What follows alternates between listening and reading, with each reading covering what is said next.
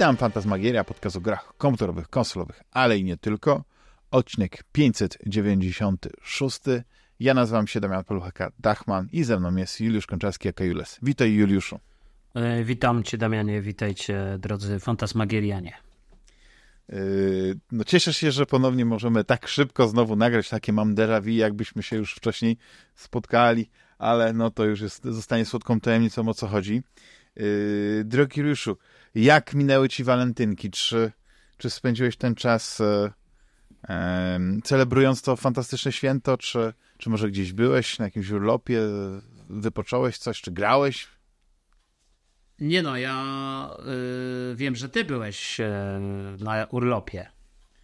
No tak się złożyło, wiesz, że no, nie, nie nagraliśmy walentynki, tak jak obiecaliśmy tydzień temu, że zrobiłem walentynkowy odcinek, no ale to się tak e, no, nie, nie złożyło. Niemniej ale spędziłem... życzenia sobie złożyliśmy, wiesz... Już wtedy, z... tak. tak. to, był dobry, to był dobry odcinek, e, więc, e, więc jeszcze tutaj po czekoladce sobie zjemy, żeby już tak naprawdę było tak słodko, że, że musimy tylko tylko teraz zjeść jakiś kawałek kiełbasy, nie? żeby nam ta mhm. słodycz przeszła. No tak, no ja, ja spędziłem ten, ten, te walentynki na takim mini urlopie i może nie będę zanudzał e, e, gdzie, jak i tak dalej, znaczy może co, co robiłem i dlaczego tam pojechałem, ale wiesz, Juliuszu, co znalazłem? Nie. Sklep firmowy. Znaczy... No. no musisz tutaj, musisz tak zagrać trochę, że nie wiesz, wiesz o co chodzi już. Znaczy, nie wiem, ale wydaje mi się, że się domyślam. Tak, tak. No na nie, pewno nasi nie słuchacze... wiem, co znalazłeś, no zaskocz mnie. Przecież e, znanym jesteś podróżnikiem w świecie branży internetowej rozrywki gier. Makłowicza spotkałem, jak gotował na ulicy po prostu e, sznycle. Naprawdę? E, smażył. E, nie, ale mógłbym. Mógłbyś, bo... bo Jest duże prawdopodobieństwo, tak, tak. Może jakbym był bliżej Dalmacji, to gdzieś tam bym e, e miał większe szanse. Nie, nie.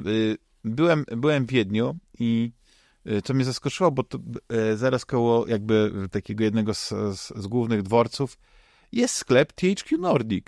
Taki firmowy, mały, fajny sklepik THQ Nordic, no może nie na dużej powierzchni, w którym e, no, można się poczuć jak dziecko, dlatego że wchodząc do tego od razu się witają jakieś no, potężnych rozmiarów figurki, modele postaci z różnych gier, które, które oni, oni wydają, i czy, czy E, czy z takich jak na, nie wiem, Biomutant, e, czy Destroy All Humans, czy na przykład z serii Darksiders. I... A ty grałeś w Biomutant? Nie, nie, ale miałem takie, właśnie, bo tam w ogóle była taka potężna edycja kolekcjonerska tego Biomutant, tam taka naprawdę duża figurka, tak jakby podwójna była. Wręcz można powiedzieć, że niemal jakby to była jakaś diorama, nie? Bo można by to jakoś tak mhm. tak ładnie w jakieś akwarium wsadzić, może jakieś kwiatki jeszcze wiesz, w tle zrobić, jakiś mchu dodać. Naprawdę świetnie to wyglądało, ale to pudło takie było wielkie. Jakbyś tam skrzypce e, miała albo, albo coś, coś podobnego. Zresztą no bardzo fajny sklep. Tam e, e, moje dzieci też miały powiedzmy trochę frajdy, bo była konsola odpalona z grą e, Sponge, SpongeBob Square Square Pants Battle for Bikini Bottom mnie bardzo kolorowa gra, zresztą w ogóle kupiłem później, zamówiłem ją tylko, że akurat na Amazonie, bo wydawało mi się, że nie potrzebuję wersji kolekcjonerskiej, e, bo nawet nie wiem, co tam było w tym wszystkim. Ale wiesz, no niesamowite wrażenie na mnie zrobiło, że jest, e, że THQ Nordic, no nie, ma swój sklep firmowy i to jest e, no coś, co wydawało mi się, że okay, jeśli to byłby tylko sklep online, ale nie, tu jest fizyczny, nawet dobre ceny były i tam e, między innymi kupiłem sobie edycję kolekcją Alexa, gry takie RPG science fiction z elementami fantasy Później jeszcze dokupiłem sobie e, edycję kolekcjonerską drugiej części Alexa, to już w ogóle szał. Na takim chyba największym szałem zakupowym to było kupienie gry planszowej Darksiders e, The Forbidden Land, która określona była w sklepie jako Flagship Edition. Rozumiem, że to chodziło o to, że są figurki pomalowane, ale ta gra planszowa, ona normalnie znajduje się też w wersji kolekcjonerskiej, takiej Nephilim Edition, chyba tak się nazywa, Darksider Genesis, takim potężnym pudle i też jest e, z pomalowanymi figurkami, więc nie wiem dokładnie o co chodziło, ale no tutaj mogę po prostu tylko tą e, grę planszową e, kupić i, i, to zrobiłem, więc powiem ci, że wrażenie na mnie zrobiło, bo tam były naprawdę fajne rzeczy, tak, e, oczywiście no ja nie, nie, nie, nie kupiłbym wszystkiego, ale jak, jeśli nie wiem, lubisz Pillars of Eternity, to bardzo fajnie, fajna wersja kolekcjonerska drugiej części była, jak Spellforce chyba w trzeciej części była jakaś edycja kolekcjonerska. Wiesz, to wszystko mogłeś sobie zobaczyć, kupić za naprawdę nieduże pieniądze, ale wiesz, to mnie bardziej zaciekawiło z tego punktu, z takiej perspektywy, że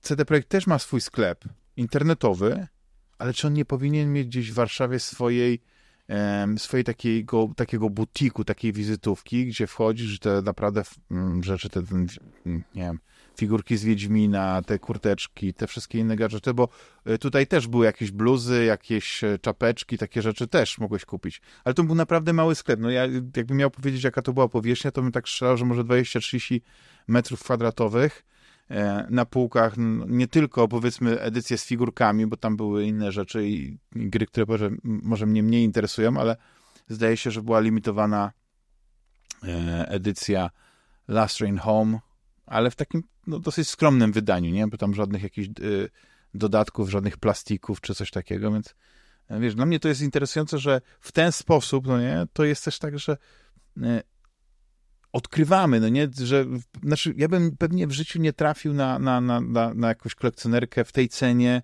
gdzieś online nie zdecydował się ją kupić, ale będąc w sklepie, który, który mnie ota, wiesz, otaczają mnie te wszystkie takie fajne rzeczy, no to ja automatycznie jestem e, skłonniejszy do tego kupowania, e, jak to się z angielskiego mówi, impulse buy, nie? Czyli, czyli takiego e, gorąco, nie? I, I, tak się zastanawiam już, czy ty też tak e, masz, czy też kupujesz, czy wiesz, no teraz te sklep, sklepy, y, przynajmniej u mnie na przykład w, w, w Irlandii, e, tych takich sklepów, gdzie tylko są gry, wideo tak naprawdę jest coraz mniej. No jest jedna wielka sieć y, sprzedająca zabawki, która ma swój oddzielony segment, część sklepu poświęcona tylko grom. I to jest taki naprawdę dobrze wyposażony sklep z grami i, i ze sprzętem do grania. Tam można sobie nie wiem, kupić Oculusa, e, tego, znaczy Quest Meta 3, nie takie różne rzeczy.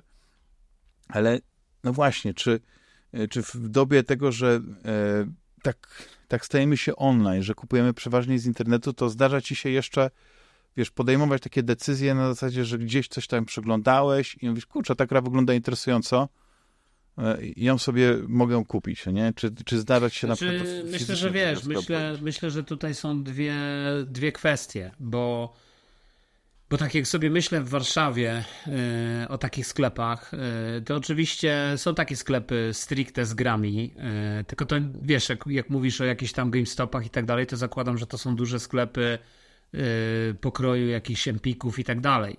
Natomiast ja myślę o takich mniejszych sklepach, te wszystkie sklepy z grami, takie powiedzmy specjalistyczne, e, nie wiem, Ultima w Warszawie na przykład, albo jakieś Perfect Blue, albo coś takiego, to to są sklepy, które e, e, no, które koncentrują się też w dużej mierze na sprzedaży online, aczkolwiek mają swoje małe sklepiki fizyczne, do których możesz przyjść i w których możesz e, kupić różne gry, różne gadżety, figurki, jakieś fankopopy, jakieś jeszcze inne figurki, jakieś takie rzeczy niezwiązane stricte z grami. Natomiast tak sobie myślę, wiesz, o jakichś kolekcjonerkach i tak dalej, no to tutaj jest wydaje mi się raczej różnie, dlatego że te kolekcjonerki, one wydaje mi się, że raz, że są zamawiane przez graczy na premierę danej gry, mhm. a dwa, że dość szybko schodzą i znikają spółek, więc też nie ma za bardzo takich.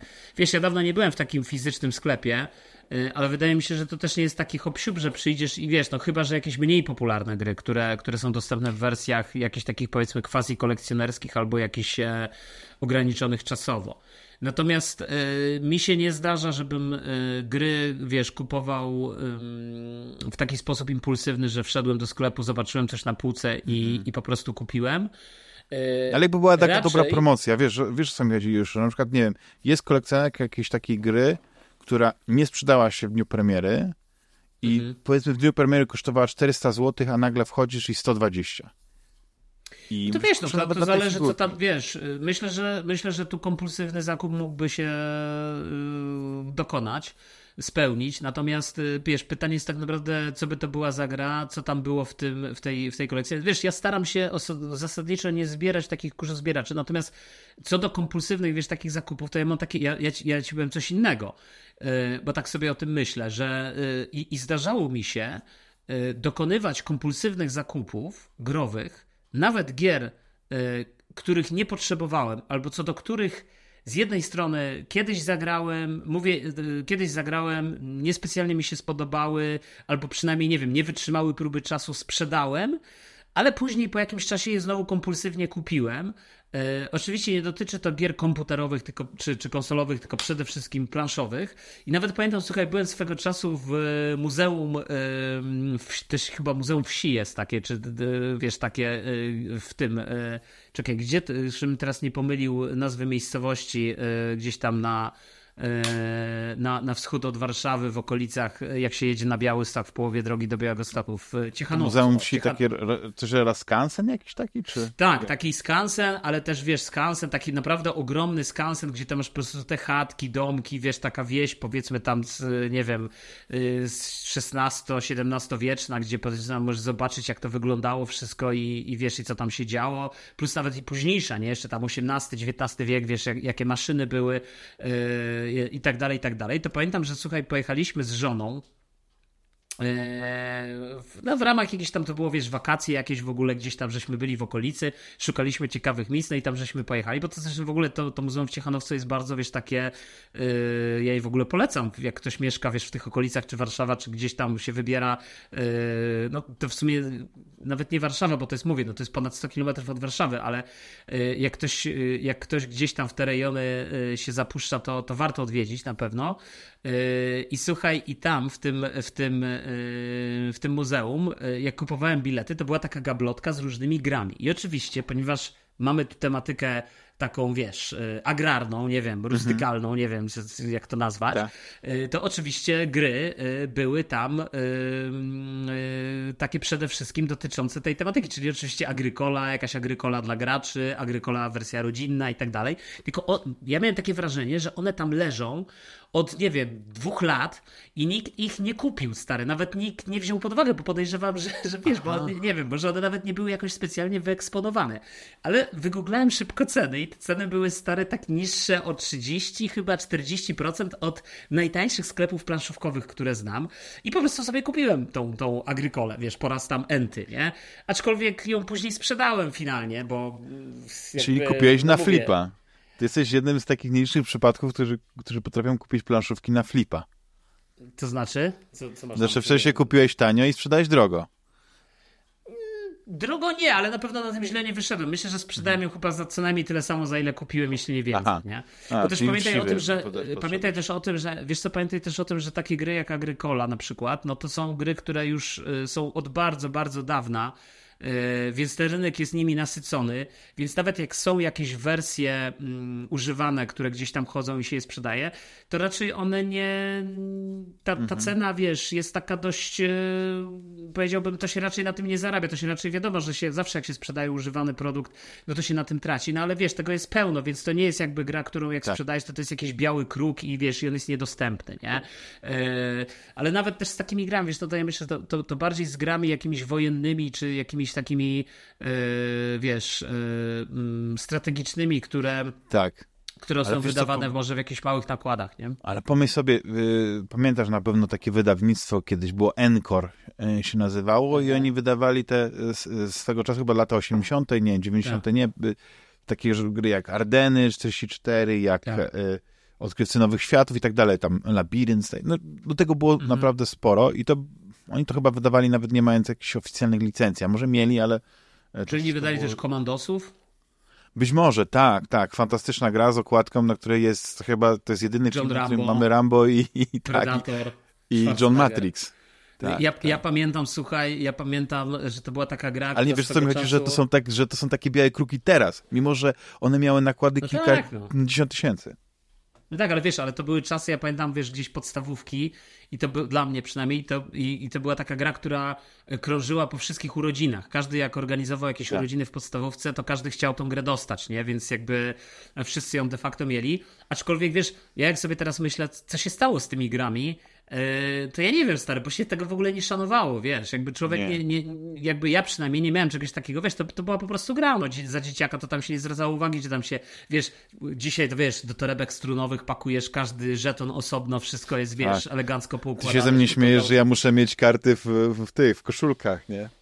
No bo to już jest zboczenie, moim zdaniem. Karty w koszulkach to już jest zboczenie, stary. To jest, wiesz. Znaczy, to, to, to, wiesz co? Mówię, ja to, ja to cały czas tak mówię, za, każdym razem, nie, znaczy ja uważam, że to jest zboczenie, stare, bo to... Znaczy ja uważam, jak... że gry karcianki, karcianki muszą być w koszulkach, wiesz? Nie, Takie karcianki ja jak Magic, jak, jak Pokémon, y, twój ulubiony, jak... E, no dobra, Pokémon i Magic, okej. Okay.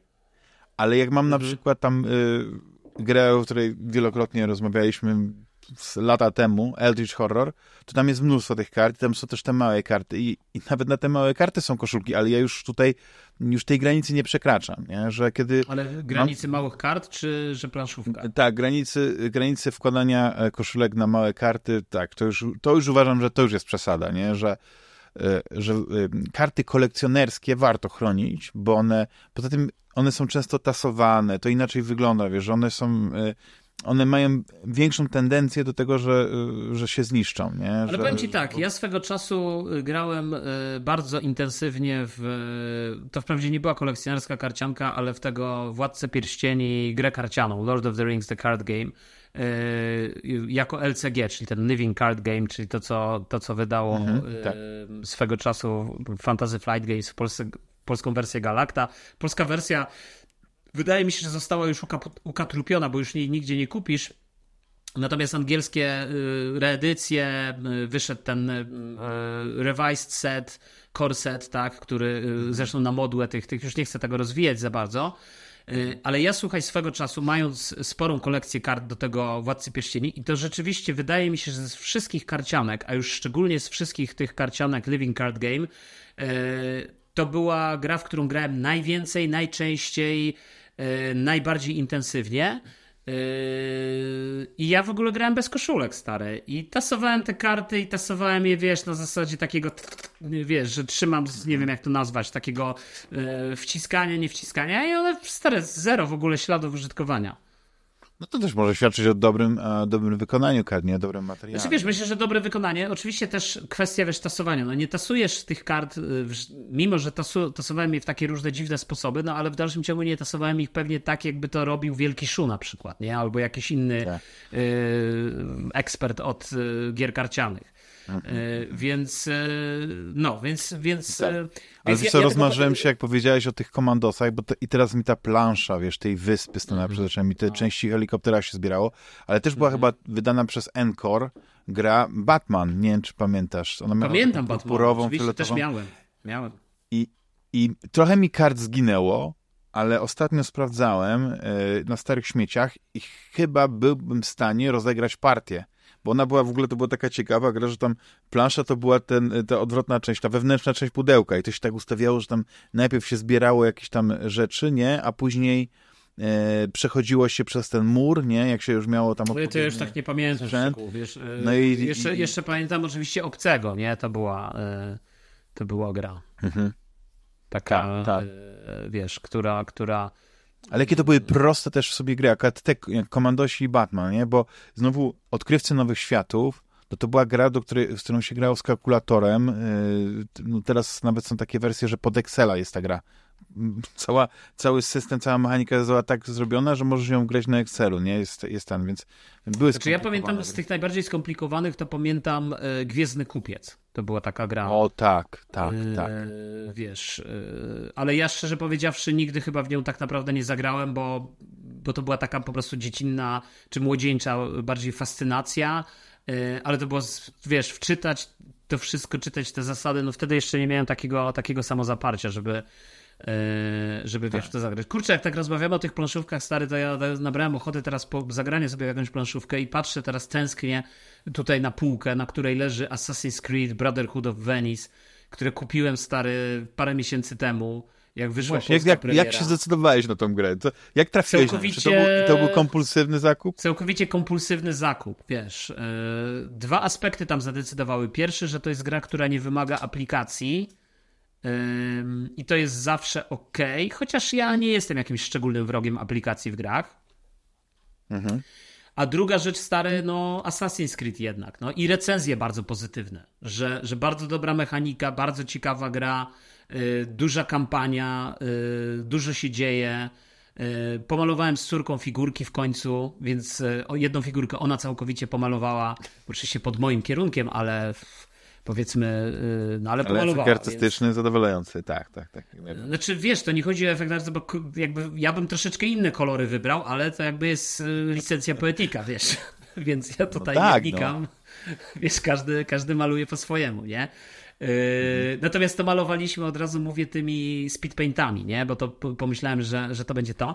A ostatnio, słuchaj, rzeczywiście malowaliśmy, no bo kurczę Star Warsy, wiesz, ta nowa nadzieja, one rozpalają niezwykle młodą, yy, młody mózg, młodą wyobraźnię i, i, i, jakby mamy w planach, żeby w końcu zagrać w bitewniaka Gwiezdnowojennego yy, z córką, bo on się strasznie, wiesz, tutaj... Ale ten Legion, tak? To jest ten... ten Legion, Legion, tak, tak, Legion, Legion. Znaczy ja, ja nie jestem fanem tych, wiesz, teraz wyszedł jakiś nowy Shatterpoint, zdaje się, yy, który jest de facto, te figurki są troszeczkę większe i one bardziej się odwołują do tych wszystkich takich animowanych. W Legionie też oczywiście są postacie yy, z szeroko pojętego, wiesz, uniwersum, czyli e, jakby nie tylko z tej oryginalnej sagi, czy z tych dwóch, bo, bo tak naprawdę Legion jakby ma, masz dwa kursety, jeden dla tych e, wojen klonów, a drugi dla, czy w zasadzie pierwszy był dla e, tych, tej oryginalnej sagi George'a Lucas, znaczy w sumie obie są oryginalne George'a tak. Lucasa, nie? Ale, ale pierwszy był dla tej oryginalnej z lat 70., drugi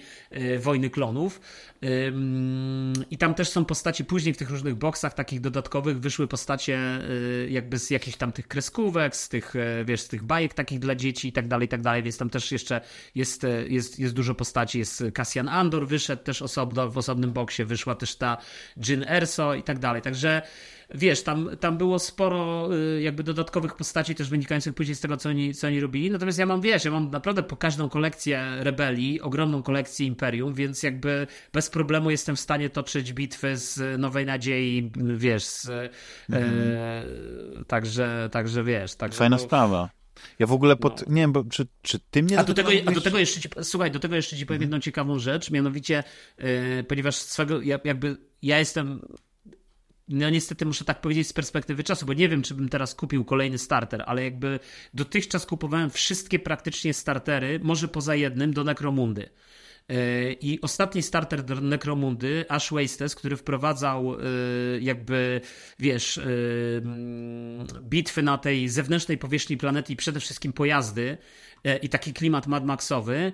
E, w tym starterze były takie jakby domki przypominające te domki łukich, więc ja to ten starter kupiłem i tak już wiesz, już wiedziałem, no przecież wiadomo że ja to będę wykorzystywał do Gwiezdnych Wojen. Oczywiście Guzik nic nie wykorzystałem, nie? Ale, ale powiedzmy sceneria jest, więc jakby nawet scenerię jestem w stanie fajną, e, fajną sobie złożyć, tak? Nie mówiąc, że mam jakieś laski, domki, wiesz, mam jakieś... E, kiedyś udało mi się za jakieś grosze w ogóle w takim w sklepie tereny do gier takim modelarskim, w którym oni sami robią tereny, goście i udało mi się za jakieś śmieszne pieniądze, nie wiem, za jakieś 200 zł kupić całą masę jakichś górek, drzewek, wiesz, i takich rzeczy, więc jak sobie wystawiam zieloną, wiesz, e, matę, a w, a w ogóle Legion jest o tyle fajny, że ta on, goście gra na 6 na 3 stopy y, jest rozmiar stołu. W związku z tym jest troszeczkę mniejszy niż na przykład do Bolta. Bolt 7 na 4 tak samo zresztą swego czasu kiedyś był, było z nie wiem jak teraz, z Warhammerem 4000 czy z, czy z Age of Sigmar.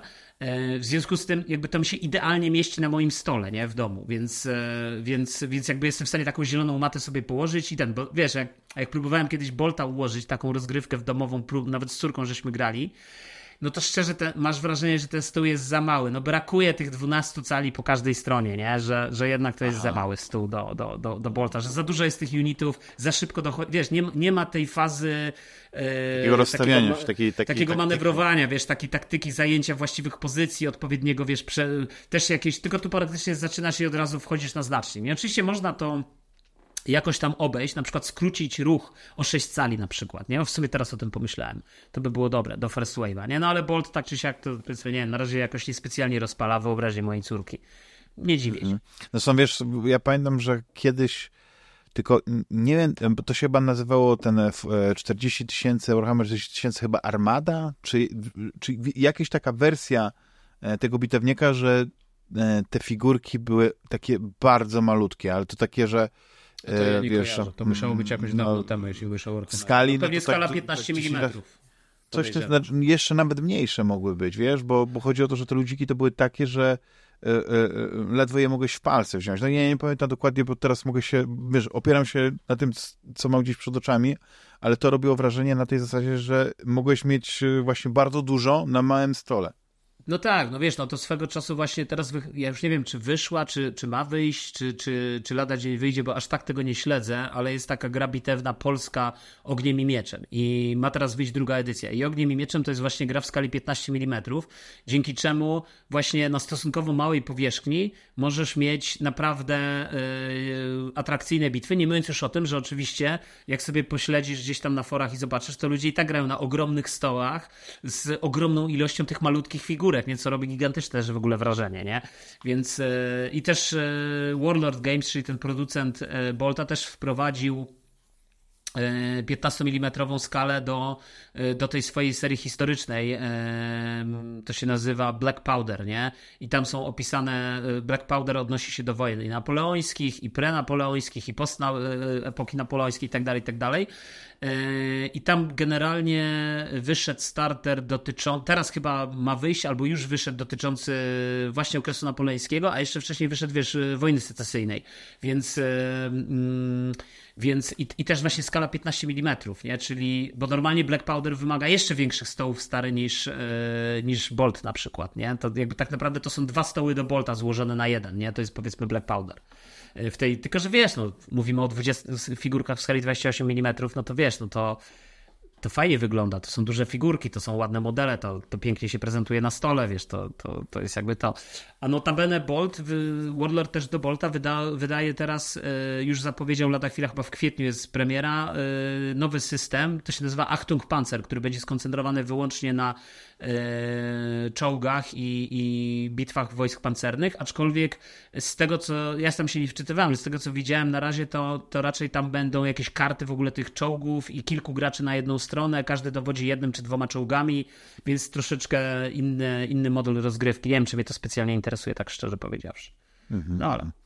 Sobie tak pomyślałem, że jak, jak, jak już zacząłeś, Star Warsach... Tak, ale Star Warsy to e, ty grywasz, czy grałeś w ten deck building, the deck building game Star Wars? Yy, bo to jest taka fajna gra, powiem ci, że to jest, bo to jest deck builder, nie? Czyli zasady są generalnie takie proste, podobnie jak we wszędzie. Czyli masz ten market, masz, masz te podstawowe karty, kupujesz, później próbujesz zniszczyć bazę przeciwnika. Takie zasady są podstawowe, bardzo podobne jak, jak, jak we wszystkich innych. Nie jest to karcianka symetryczna, znaczy, to jest karczynka symetryczna, przepraszam, że nie jest asymetryczna, tak, że, że coś kompletnego, więc, więc tutaj, e, czy grasz po ciemnej stronie mocy, czy po jasnej, to tam nie ma znaczenia większego, nie, ale y, powiem ci, że e, mo, moja latorość, y, która lubi Star, Star Warsy, no, wkręciła się strasznie. I to są takie zasady, że y, no, twoja córa, która jest jednak już, można powiedzieć, zaprawiona w boju, jeśli chodzi o gry planszowe i karciane na pewno z tobą, no, no, będzie miała trochę radości z, tym, z, z, tego, więc ja nie wiem, czy, czy nie powinieneś się zainteresować, jeśli nie zainteresowałeś tą karcianką. No nie, ona też szybko się rozstawia, no bo to jest karcianka, ona nie zajmuje dużo przestrzeni, a te karty są właściwie y, z wszystkich filmów, nie, bo, bo chyba może oprócz y, tej trylogii tej, tej Do tego są jakieś dodatki w ogóle, czy to jest taki No właśnie, pojedynczy... to jest dla mnie dziwne, że te dodatki jeszcze się nie pojawiły, chyba, że y, y, one się dopiero mają pojawić, bo, bo tam jest potencjał, bo tam jest dużo postaci, których, się, których nie ma. Nie, nie, no nie ma jody, nie ma, nie ma takich, e, takich, takich no, kluczowych, moim zdaniem, postaci, ale są oczywiście inne. No, masz Vadera, masz Boba Fetta, masz, masz e, Hanna Solo, masz Czubakę, no i tak dalej, te leje. No, wiesz, jesteś w stanie e, te, te, te wszystkie postacie, no niektóre na bardzo lubisz no, mieć w tej talii, znaczy w talii, no bo to się kupuje nie, z tego marketu, no, to, to, to, zasady nie są takie, że możesz sobie zbudować talię od tak, no nie, to, to jednak jest tam jakaś pewna losowość, nie, ale, ale jest, jest mega sympatyczne, ale znaczy, tego... jak, już jesteś, jak już mhm. jesteś, to poczekaj, to jeszcze tylko się odniosę do tego, co powiedziałeś. Znaczy, po pierwsze, ja nie jestem fanem, wielkim fanem yy, deck buildingu, wiesz, per se. Mhm. Więc, e, więc to jest dla mnie jakiś taki system, który yy, raczej mnie gdzieś tam trzyma z boku. Mhm. Natomiast takiego deckbuildingu, wiesz, w stylu Dominiona, czyli właśnie takiego jak, jak w tej grze, że, że tą talię buduje się w trakcie rozgrywki. Co innego, wiesz, składanie talii przed rozgrywką, co innego jakieś Pokémony i tak dalej, nie? Mhm. A z drugiej strony, nie wiem czy wiesz, ale teraz wychodzi ten, nie wiem czy już wyszedł, bo patrzę szybko, teraz wygooglałem sobie na stronie, ten Star Wars e, Unlimited, czyli, czyli po prostu pełnoprawny, pełnoprawna gra kolekcjonerska w stylu Magica e, z, do, do, do Gwiezdnych Wojen. Aż teraz wchodzę sobie na szybko na Rebela, żeby zobaczyć. Ale to jest to... Star Wars Limited na, na zasadzie Star Wars e, Unlimited, no... Fantasy Flight Games robi po prostu normalnie trading card game TCG, takie jak e, wiesz, e, to już zapowiedzieli to już zapowiedzieli e, w zeszłym roku, natomiast e, o, widzę, że już są te paki, e, czyli to już wyszło, kurczę, to nawet jakoś przegapiłem zupełnie, są boosterki, wszystko jest. No to hmm, widzisz. Ale wiesz, co mnie ciekawi, bo wszyscy, wszyscy pamiętają te Star Warsy, jest, yy, na, na silnik A nie, zapowiedź, przepraszam. Nie, to jest tak. zapowiedź, czyli wiosna 2024, ale to lada chwila wychodzi. No, no to, mhm. no to jest to. No, no tak, czyli jest Star Wars Unlimited, e, no ciekawe. Ale karty takie bardzo rysunkowe, z tego co widzę, nie, nie, nie, nie będą chyba w żaden sposób. Nie, nie będą i bardzo dobrze, bo ja nie, ja nie lubię. Tego silnika Deciphera. Znaczy on był ciekawy, ale no, ja nie gram może faktycznie y, jakoś, jakiś taki powiem y, świeżości, nowości wprowadzą, bo tych karcianek ze świata y, Gwiezdnych Wojen to jest mnóstwo. To jest mnóstwo. No jeszcze teraz jest taka karcianka e, z kościami, e, ten Destiny, nie? Star Wars Destinies. No ale to już jest chyba, ja nie wiem, czy to, jest, czy to nie jest wygaszone, nie? Jakoś tam. Być może wygaszone, bo gdzieś nawet widziałem, że ten starter to był za połowę ceny sprzedawany i Polski, tak się wiesz, to, to, też to też może być tak, że to polskie, e, no. polskie, polskie wydanie jest, wiesz, e, że tak powiem już, ale widzę, że tu, tu player też no to jest... To zapytam cię tak, Juliuszu, tak zamykając mhm. ten wątek ty, tego, tego wszystkiego, bo to, bo to też chodzi i o gry planszowe, i o gry wideo. Jak trafiasz na gry? Jaki masz taki sposób na znajdowanie gier? Albo jak trafiasz na gry właśnie, które okazuje się, że umknęły mainstreamowi, no nie? Czy czy, znaczy nie, no, no wiesz, ja trafiam na gry... I... Ja trafiam na gry właśnie tak jak teraz z tobą, y, czyli na no. przykład rozmawiamy sobie i mówisz mi o tym deckbuilderze i w sumie mnie zaciekawiłeś, tylko wiesz, ja teraz staram się nie kupować raczej nowych gier, bo w sumie wolałbym pograć z córką, szczerze powiedziawszy, jak mhm. mam grać z nią w karciankę, to wiem, że dużo większym yy, powiedzmy takim yy, poświęceniem, bo więcej tak. czasu trzeba poświęcić na bitewniaka bo ja muszę jeszcze pomalować te figurki razem z nią, ale to wiesz, to razem sobie pomalujemy, więc możemy dużo więcej tego czasu takiego wspólnego sobie wykorzystać na różne rzeczy. Yy, I wiesz, ona też malowała taką jedną figurkę takiego gościa na tym yy, takim jaszczurze z Nowej Nadziei, jak, oni, jak te roboty tam chodzą mhm. na tym, nie wiem tak? jak oni się nazywali, jak oni chodzą tam po tej planecie, to wiesz. Więc ona sobie też go malowała, też super, też pod moim okiem, to już normalnie farbami, już ją uczyłem, wiesz, normalnych zasad. Yy, natomiast Wiesz, i dlatego nie wiem, czy bym chciał kupić, ale, ale, ale między innymi Aha. to jest właśnie tak, czyli rozmawiamy sobie o czymś, ty coś na przykład tam wspomnisz, ja sobie coś tam wygooglam i nagle sobie myślę, o, tu fajne, to mhm. bym zagrał może, nie? Albo na przykład wchodzę na swoje sklepy, wiesz, planszówkowe, które, które śledzę i nagle się okazuje, że wiesz, albo dostaję jakieś newslettery i, i sobie tam coś odklikam i sobie coś zobaczę. Często wchodzę na tą sekcję gier wojennych y, na sklepach planszowych, które, w których się zaopatruję od czasu do czasu w gry i, na, i od, generalnie mam takie zwyczaj, że od czasu do czasu sprawdzam. Sprawdzam oczywiście GMT stronę, y, i to jest jakby przede wszystkim. Więc te wszystkie gry, które nie są grami wojennymi, to to jest taki efekt y, uboczny, wiesz, że na przykład wszedłem na, na planszomanie, żeby zobaczyć jaka jest oferta gier wojennych, bo wcześniej sprawdziłem na GMT, że lada chwila, albo dostałem newsletter, że lada chwila coś wyjdzie. Wszedłem na planszomanie, tak jak ostatnio, i nagle zobaczyłem stary w sekcji yy, zapowiedzianych gier w oparach miłości, stary. Taka gra, a propos walentynek. Yy, to jest taka planszówka, yy, angielska wersja nazywa się Fog of War. Nie, kurde, Fog of War. Fog of Love. Fog of Love. Ale tak sobie Fog pomyślałem, ale tutaj fantazja tłumaczy poniosła, nie? Fog of no War. tak, tak. Nie, Fog of, słuchaj, Fog of, Fog of Love. I ja tą grę miałem w wersji angielskiej parę lat temu.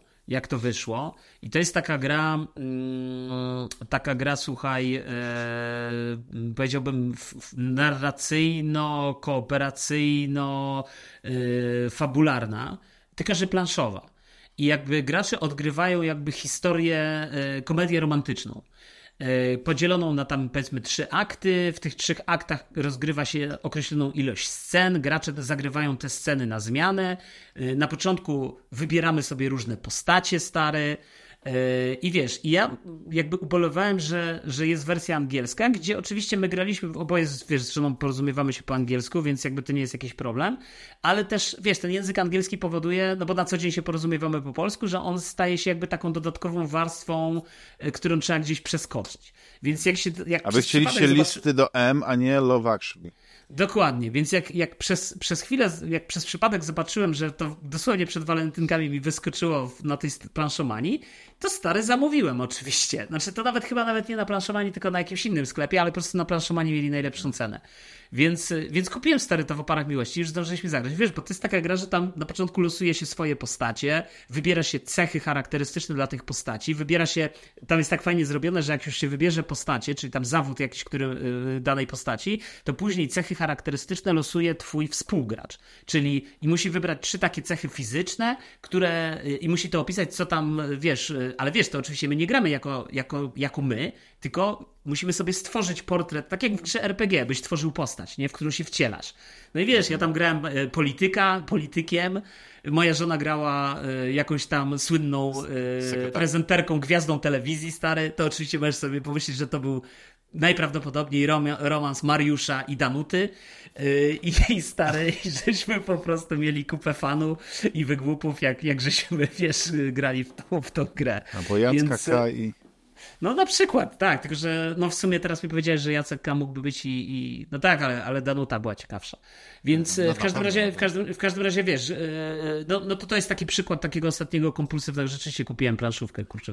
Wiesz co, bo tak sobie pomyślałem, że właściwie to yy, ja dużo więcej takich dziwnych gier, które w sumie później może nawet zagrałem, a później odłożyłem, to kupiłem w takich sytuacjach, gdzie wszedłem do fizycznego sklepu, przeglądałem półki i mhm. patrzyłem, kurde, to jest jakaś gra, wiesz, te, te takie gry, które byś określił nawet z tylko jednym A, ale sprzedawane normalnie na, w pudełkach, nie, że y, y, gdzieś tylko online, czy jakiś indyk, czy coś takiego. I teraz jak te sklepy odchodzą, albo właśnie, no nie, no w Polsce to jest ten komfort, że faktycznie masz te takie sklepy, które po prostu sprzedają gry, ale nie są częścią jakiegoś, jednej, filią jakiegoś wielkiego um, jakiejś, jakiejś większej jakiegoś większego koncernu, jak, jak Game czy GameStop i tak dalej, i tak dalej. Tylko po prostu wchodzisz. No ja tu mam tak jeden taki sklep, ja go nazywam komisem, bo tam właściwie e, są tylko używane gry, ale to też jest tak, że po prostu wchodzisz i patrzysz z jakiegoś ciekawego, no nie tam parę euro i wyciągasz parę, ale to mi się nie zdarza, no nie już, e, już, już teraz, bo jesteśmy tak przeładowani tym, że jakieś gry są na, na pierwszym miejscu, y, miejscu i, i, i, człowiek chce z nie zagrać, no bo wszyscy o nich mówią, więc chcesz być w tym zeitgeistie, że na te odkrywanie jakichś pojedynczych tytułów jest naprawdę mało miejsca i czasami zostaje tylko tak, że gdzieś tam jakiś niszowy youtuber po prostu będzie w jakiś tytuł grał, albo gdzieś na, na, na Twitchu i w jakiś sposób my na to trafimy, nie? Bo, bo, bo to jest... I, ja nie wiem właśnie, że trochę się zmienia ten świat. No ja nie wiem, że się zmienia na gorsze, no bo dzięki temu, że mamy tą cyfrową dystrybucję, no to te gry mogą być niemal za grosze. Ja bardzo dużo gier y, kupuję na jakichś takich wyprzedażach, y, bo sobie zaznaczam, wiesz, na, na, na, na liście życzeń, że o, jak ta gra będzie, powiedzmy, kosztowała dużo taniej, czy to w ogóle, że sobie wrzucają na listy, że jak się pojawia w jakiejś promocji 80%, to nawet fakt, że nie wiem, kiedy w najbliższym czasie w nią zagram, nie ma znaczenia. Po prostu kupuję, wkładam do koszyka, płacę tam parę, parę euro i, i tyle, i mam z głowy. I, I jak ma szczęście ta gra, to do niej wracam, no nie? Czasami odpalę od razu, trochę, trochę ten, ale wiesz, wydaje mi się, że, że takie odkrywanie gier jest coraz mniej, mniej możliwe, nie? Że, że w dzisiejszych czasach. Czy znaczy, wiesz, bo to, nie wejdziesz to, to, też do sklepu i nie, sprzedawca ci też nie zarekomenduje to. No mówi, o, pan, panie Juliuszu, to, że pana widzę, właśnie przyszliście tutaj nowe strategie wojenne przyszły. Na pewno pana zainteresuje najnowsze Nie no, zarekomenduję, wiesz, zarekom słuchaj, no może nie tak, ale zarekomenduję bardzo często, tylko ja na przykład pamiętam raz o takiej sytuacji, że rzeczywiście miałem ochotę, dawno nie miałem żadnego euro tylko wiesz, u mnie stary to jest, czasem to jest taka kula śniegowa, nie? No bo ja na przykład pamiętam, że dawno nie miałem żadnego euro i, i wszystkie euro, które miałem w domu zgromadzone, to albo sprzedałem, albo żeśmy e, już ograli z żoną. Mhm. I miałem taki po prostu kaprys, że chciałem zagrać w euro, ale też jakby nie miałem konkretnie sprecyzowanego żadnego e, jakiegoś tytułu, nie wiedziałem za bardzo co, więc sobie pomyślałem, że pójdę do, do planszomanii i sobie pogadam ze sprzedawcą i sobie coś wybiorę. No i finalnie coś tam wybrałem i coś tam zagrałem. Y, I to była jedna taka sytuacja, nie? I, i mm, w, w, kiedy, kiedy coś takiego miałem, tak? Albo bardzo często miałem coś takiego, że jak jeszcze moja córka była troszeczkę młodsza y, i razem ze mną gdzieś tam chodziła do planszomanii, to ona, to ona właśnie stare tak kupowała sobie, znaczy za moje pieniądze, ciężką krwawicę, ale, y, ale że tak. ona sobie wybierała, wiesz, jakiś tytuł i powiem ci szczerze, że wy, te wszystkie gry, które sobie wybrała, kierując się po prostu całkowicie tak, jak ty byś chciał, czyli, nie wiem, pudełkiem, jakimś kompulsywnym, że tu jej się spodobało, to były strzały w dziesiątkę stare. To były naprawdę, mhm. na przykład kupiła kiedyś sobie taką grę kotki, yy, która polega na tym, że, że trzeba yy, jakby yy, kusić kotki, żeby, które są gdzieś, leżą te różne żetony tych kotków w takiej wspólnej puli. Każdy gracz ma taką wielką planszetkę swoją własną, powiedzmy, symbolizującą poduszkę i my chcemy te kotki skusić na tą poduszkę, żeby one do nas przyszły, nie? A żeby to robić, musimy pozyskiwać różnego rodzaju zasoby w postaci, nie wiem, rybka, mleczko, y, kłębuszek, mhm. jakiś, y, jakieś takie gadżeciki i to są karty, które mamy na ręce i później najpierw gromadzimy te karty, a potem zrzucamy te karty, żeby, wiesz, kusić te kotki. Stary, świetna gra. Wiesz, naprawdę, taka dla dziecka czy do, do, do, zabawy, no po prostu świetna gra. Ja byłem w ogóle w szoku, że, że ja w ogóle o tej grze nigdy nic nie słyszałem, nigdy nic nie przeczytałem. To był totalnie zakup w ciemno. I to za no. jakieś śmieszne pieniądze, nie? Jakieś tam, nie wiem.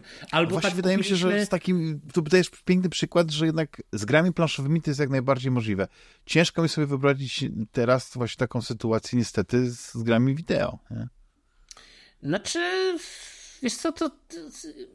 no oprócz to... tego, że ja kupiłem właśnie tego SpongeBoba SquarePants Battle for Bikini Bottoms, e, tylko na takiej zasadzie, że wpadliśmy do tego sklepu, no nie, THQ Nordic i, i e, tam ta gra była i ona przepięknie wyglądała kolorowo na takim, mhm. nie wiem, 70-calowym telewizorze i, i dziecko mogło po prostu sobie zagrać pa, pada i pochodzić i to i, i dla mnie to był taki na przykład, okej, okay, ta gra wydaje się być pozbawiona takiej przemocy, oprócz takiej lekko kreskówkowej, wygląda sympatycznie, to ją wezmę.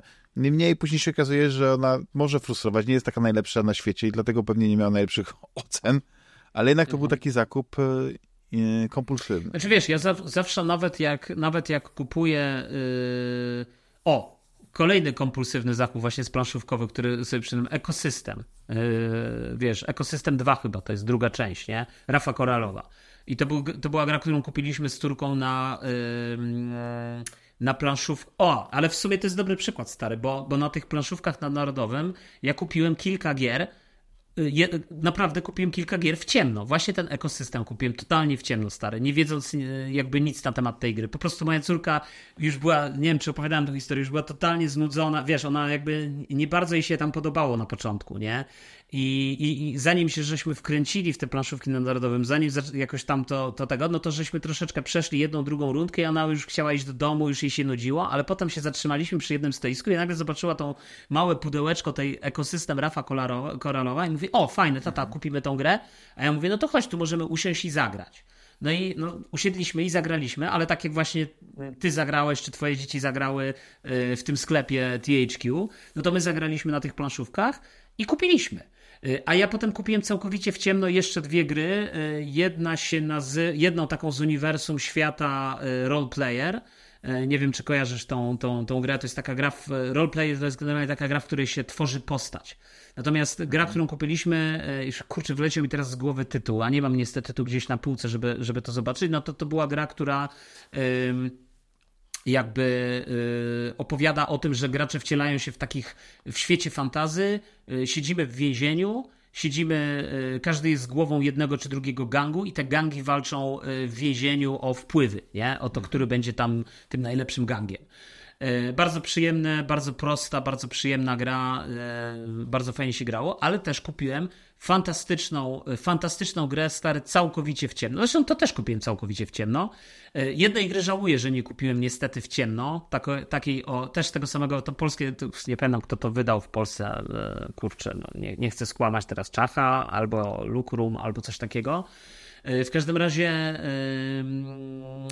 taką grę, która była, wiesz, była stary mega przeceniona, bo mogłeś kupić ją w sumie za 150 zł razem z dodatkiem z figurkami gdzie osobno ten dodatek z figurkami kosztował ponad 100 zł i osobno sama gra kosztowała 300 zł, więc za samą grę byś zapłacił 450 zł, a potem, e, a, a mogłem ją kupić za jakieś tam, nie wiem, 150 czy 170, więc mega przeceniona, a jak później ją się wczytałem w domu, jak wróciłem, to naprawdę się gryzłem w język i żałowałem, że jej nie kupiłem, bo po prostu wydawała mi się super grą dla mnie, takie fajne euro z, pięknymi, z piękną planszą, z piękną grafiką, z pięknymi modelami, które można było ewentualnie nawet pomalować, ale niekoniecznie, bo to akurat nie była taka gra, e, więc, więc naprawdę żałowałem, że, że, że nie kupiłem. Natomiast kupiłem inną świetną grę, też z tego wydawnictwa, bodajże King is Dead. Nie wiem, czy o tym nie mówiłem stary kiedyś na Fantasma. Już mi się mylą te podcasty stare, już za dużo tego wszystkiego jest. Coś ale kojarzy razie... E, King's Dead, tak. Tak, to, to, to y, o tym, o wiesz, o, o y, mamy, y, że tak powiem, bez królewy w Anglii i gracze wcielają się w jeden, jedną z, właśnie nie wcielają się w jedną z trzech frakcji, tylko wcielamy się w takie szare eminencje, które wspierają a to Szkotów, a to, a to tutaj jakieś tam Irlandczyków, a to kogoś i generalnie tych, tych różnych możnowładców z tych, z tych różnych regionów. Mhm. I jakby to nie jest tak, że od początku gry jesteśmy jedną czy drugą frakcją, tylko jakby w toku gry wspieramy ten. Natomiast gra jest bardzo ciekawa, ponieważ w niej jest tylko 8 rund, każdy gracz ma 8 kart i tylko zagramy 8 tych kart na ręce. Więc jakby gra polega na tym, że trzeba w odpowiednich momentach pasować, nie zagrywać kart, albo na przykład nastawić się, że jak się zagra jedną czy dwie karty, to później na przykład się nic nie zrobi, albo nagle w połowie gry się może okazać, że wiesz, nie masz karty. Jest bardzo krótka, mega świetna bardzo, bardzo polecam. Żeśmy no. z żoną po prostu grali, wiesz, tak totalnie ad hocowo. A to muszę się ale zainteresować w takim razie. Ale to są planszówki, wiesz, a, a, a jeśli chodzi o gry, wiesz, komputerowe czy coś, no to wiesz, to to właśnie nie wiem, jak to nazwać, bo, bo to jest tak, że ja bardzo często też przeglądam sobie y, różne nowości tak próbuję odbić teraz trochę w mhm. stronę gier komputerowych, wiesz. Tak. Y, przeglądam sobie różne nowości, na przykład w sklepie. Y, ostatnio patrzyłem y, PlayStation Store, co tam jest zaplanowane, jakie są gry, które wyjdą w niedługim czasie. I wiesz, i bardzo często wynajduję sobie jakieś tytuły, którym patrzę, o, ciekawe, nie? Ciekawa grafika, ciekawe te, nie słyszałem nigdy o tej grze, albo może kiedyś słyszałem, ale o niej zapomniałem, tylko że wtedy ja, wiesz, mimo wszystko ją googlam, nie? I jakby to nie jest kompulsywny zakup. Mhm. Ale wiesz co, teraz sobie pomyślałem, że faktycznie jedyny sposób na to, żeby odkrywać gry, które są totalnie nie, nie promowane, gdzie, gdzie, nawet, gdzie nawet się nie wydaje się czasami grosza na tę promocję, to, jest, to, są, to są te Game Passy, to są te, te PS Plusy, no bo te biblioteki są e, potężne i, i, i czasami po prostu przeglądasz i nagle coś się spodoba ze względu na okładkę, może gdzieś jakiś taki krótki opis i, i zaczniesz grać, nie? Bo, bo cię to nic nie kosztuje. Tylko, że to jest takie, takie odkrywanie bez, bez ryzyka, że wydasz pieniądze i, i wiesz, nie ma takiego takiego problemu w tym, no nie, tutaj po prostu sam, sam przykładasz, no ale no nie no, żyjemy w takich czasach, że, że y, musimy na przykład, nie wiem, polegać na, na tym, co gdzieś tam ktoś y, poleci, na te listy, y, chyba na Steamie to jest tak, no bo wiesz, na Steamie jest tyle gier wychodzi dziennie, no nie miesięcznie, to wiesz, to się liczy w tysiącach e, te produkcje, że są ci kuratorzy, tak, to chyba się tak nazywa, e, którzy mają te swoje listy i powiedzmy, jeśli śledzisz jakiegoś swojego e, sympatyzujesz z jakimś tam youtuberem, czy z jakimś influencerem, który ma swoje takie konto, takiego kustosza, nie wiem, kuratora na, na Steamie, to widzisz, co on poleca, nie? I, i w stanie, i, i w jakiś stopniu tak, tak trafiasz na, na nowe tytuły. No, mi, mi się zdarza tak, że no wiesz, no, y, przeglądałem kiedyś, e, jak kupowałem się prasę drukowaną, że się trafiał po prostu na jakiś tytuł, bo gdzieś tam ktoś go opisał, nie? I, i, i to jest to. A ma A teraz to jest tak, tak że ale wiesz, ale to... na te directy i te directy nas trochę na, nastawiają, no nie w co warto zagrać. No trochę tak, ale wiesz, ale, ale czym to się różni od, tych, od, tej, od tej gazety, o której przed chwilą powiedziałeś, czyli że wiesz, no, kiedyś przeglądałeś gazetę, nie wiem, Secret Service i tam coś znalazłeś, a dzisiaj oglądasz, nie wiem, swoich ulubionych, bo jeszcze wracając do tego... Znaczy, no wiesz, dlatego, to... że kiedyś było mniej tego wszystkiego, wiesz, tych gier wychodziło mniej i więc i, i te gry mogły być w większości te ciekawsze, no nie, oprócz powiedzmy jakichś tam shotów, opisane, więc miałeś taki, że gazeta, czy taki, taki Secret Service spełniał taką rolę swoistego katalogu, nie, a a teraz no tak, ale opisywał jest... i tak przede wszystkim te gry, wiesz, które dzisiaj byś określił mianem AAA-ów, nie? Mhm. No, no, i, i, no tak, no, częściowo tak, to się zgadza. Albo, to... albo jak, jak Skull and Bones y, Quadruple A, czy nie wiem jak oni to tam teraz nazywają, bo to jest ponoć w ogóle, wiesz, to się nie no mieści tak, ale... w głowie. No to się nie mieści w głowie, jakie te gry teraz niskie oceny zbiera, ale to możemy o tym za chwilę porozmawiać. To ja już zamknę w takim razie ten, tema, mm -hmm. ten temat. No, polecam obejrzeć kilka zdjęć właśnie niesamowitych figurek. Tam chyba w Wiedniu jakieś rzeczy zobaczyłeś oprócz tego sklepu? Nie wiem, tam chyba fontanna Mozarta jest, czy coś takiego? Z, y, Johanna y, Bram, Bramsa? Nie wiem, Straussa? nie wiem, ja się, ale ja się tak nie, no Mozarta, no bo wiesz, Mozart też w Wiedniu funkcjonował. Y, przez no, znaczy tak, tak, znaczy wiesz co, jeśli chodzi o infrastrukturę, o, o architektoniczne doznania, to po prostu chodzisz po tym mieście i, i, i, I się głowę, to wow. widzisz po prostu coś niesamowitego. Trochę mi to przypomina te takie części Krakowa, no nie tak sobie myślę, kurczę, Wiedziałem, że to powiesz, prawie jak Kraków. Tak, prawie jak Kraków. I tak sobie myślę, kurczę, jakby pięknie, że Warszawa to by zmiotła z, z planszy y, Wiedeń, gdyby nie została zbombardowana, zniszczona, że, że Warszawa wygląda pięknie, monumentalnie, ale to są wszystko odbudowane rzeczy, nie? Wiesz, to jest niesamowite. A tam no to no tam, tam chyba... Aczkolwiek to też jest ciekawe, wiesz, ja jako, ja jako lokalny patriota warszawski mogę powiedzieć, że wiesz, że y, bez wątpienia y, y, robi to duże wrażenie, jak sobie, jak sobie obejrzysz na przykład, wiesz, Miasto Ruin, nie? E, ten siedmiominutowy film y, przygotowany przez Muzeum Powstania Warszawskiego, który czy dla Muzeum Powstania Warszawskiego tak naprawdę, tak? Przez bodajże Platy Image to zrobiło, nie? Czy tam częściowo jakoś było zaangażowane. Czy jakby jak sobie zobaczysz, jak, jak Warszawa wyglądała w 44 pod koniec 45, no to, no to po prostu tak. I, i tak naprawdę jak dzisiaj wygląda, no to jasne, wiadomym jest tak, no nie, nie, nie możemy się równać pewnie z takim Krakowem, e, z Gdańskiem, z wieloma pięknymi miastami tak. w Polsce, z Toruniem, ale, ale z drugiej strony, no tutaj po prostu było ściernisko. No, no i, i, i odbudowano stolicę. No, ale nie, to bo ja niestety nie mam takiej umiejętności jak, jak inne podcasty o grach, gdzie tam jest zawsze ta sekcja podróżnicza i dużo się opowiadam, co się widziało tak, i tak, tak dalej. Tak. Może, może kiedyś zrobimy taki osobny y, za paywallem Niekoniecznie, wiesz, no słuchaj, po co? Jesteśmy podcastem o grach przede wszystkim. Tak, komputerowych, tak. konsolowych, ale i nie tak. Tak, bo, ale powiem tak, że y, jeśli chodzi o, o, o rzeczy, które można robić no to, to jest ich sporo. I nawet znalazłem taki fajny antykwariat, tylko wszystko było po niemiecku, z komiksami, z taką palpą, no nie, że po prostu były no, rzeczy, które y, kupowałem je oczami, te okładki, nie? Ale później y, otwieram, a tam po prostu tekst, wiesz, po niemiecku, bo mówię, kurczę, jeśli to jest komiks jakiś taki palpowy, to ja sobie kupię tylko dlatego, że ta układka mi się podoba że to są takie klasyczne z lat 50., 60. okładki, gdzie wiesz, sprzedawało się oczami, czyli jakiś mężczyzna, jakaś kobieta w jakimś takim. E, walczą z jakimś potworem. No, no klasyka z, złota. Ale wiesz, ale to ja bym, ja bym na twoim miejscu wtedy kupił jakiś przynajmniej jeden taki pamiątkowy. Wiesz, ja bym raczej, ja bym kupił. Bo, no tak, bo, bo tak. zdarzało mi się kupować w swoim życiu książki czy komiksy, e, albo ktoś mi przywiózł książki czy komiksy z jakichś odległych krajów e, egzotycznych. No. Właśnie jakby wiedząc, że ja tego nie przeczytam w żaden sposób i w żaden sposób to, to będzie dla mnie nie, jakby ja nie będę w stanie mm, tego kontemplować, ale z drugiej strony będę w stanie, będę miał taką kolekcjonerską powiedzmy w cudzysłowie pamiątkę, nie? Tak, tak. No ja, ale wiesz co, jak sobie myślę o tych, że, że gry przestałem kupować kompulsywnie praktycznie, co, ale, mhm. ale zdarza mi się, ale nie przestałem kupować na przykład, nie wiem, książek kompulsywnie, komiksów. Ale bo, co rozumiesz e, pod pojęciem kompulsywnego zakupu gry? Właśnie nie, bo, y, bo ja to mówię o impulse buy, czyli czymś takim, że nie planuję, wchodzę do sklepu i nie planuję kupować. Po prostu no tak, ale ciągle sobie... mówisz o wchodzeniu do sklepu, a wiesz, ale ja na przykład jak, jak ja nie planowałem No bo ja to tak fizycznie mówię, wiesz, bo ja to ale fizycznie... posłuchaj, ja nie, wiesz, ja nie planowałem kupić Tekena 8, a kupiłem Tekena 8 i jeszcze kupiłem Arcade Sticka. Więc no, jakby... no to, to jest dobre przejście. To możemy zrobić takie przyjemne pojęcie, bo, bo ja chciałem tylko powiedzieć, że na przykład wchodzę do takiego sklepu z komiksami i ja po prostu wyciągam z tego i nagle patrzę The Black Monday Murders? Co to za komiks? I wiesz, zaczynam oglądać, wiesz, mhm. kilka stron, zaczynam... Y, wiesz, tak, nie, że, żeby sobie za dużo nie zdradzić, nie, ale tak przeczytam y, dwie, trzy strony, mówię, kuszę, to jest to. No i kończy się tak, a ile to miało wydań? Aha, dwa trader paki i tak dalej. No i co robię?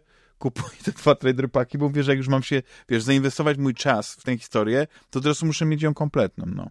Ale a propos tych kompozycji, to tak, drodzy słuchacze, powiedzcie nam, jak wy trafiacie na jakieś takie gry, które spoza mainstreamu, jak, jak wy kupujecie. Dodatkowo, jak chcecie zobaczyć y, kilka zdjęć z tego sklepu THQ Nordic, y, to zapraszam na, na grupę.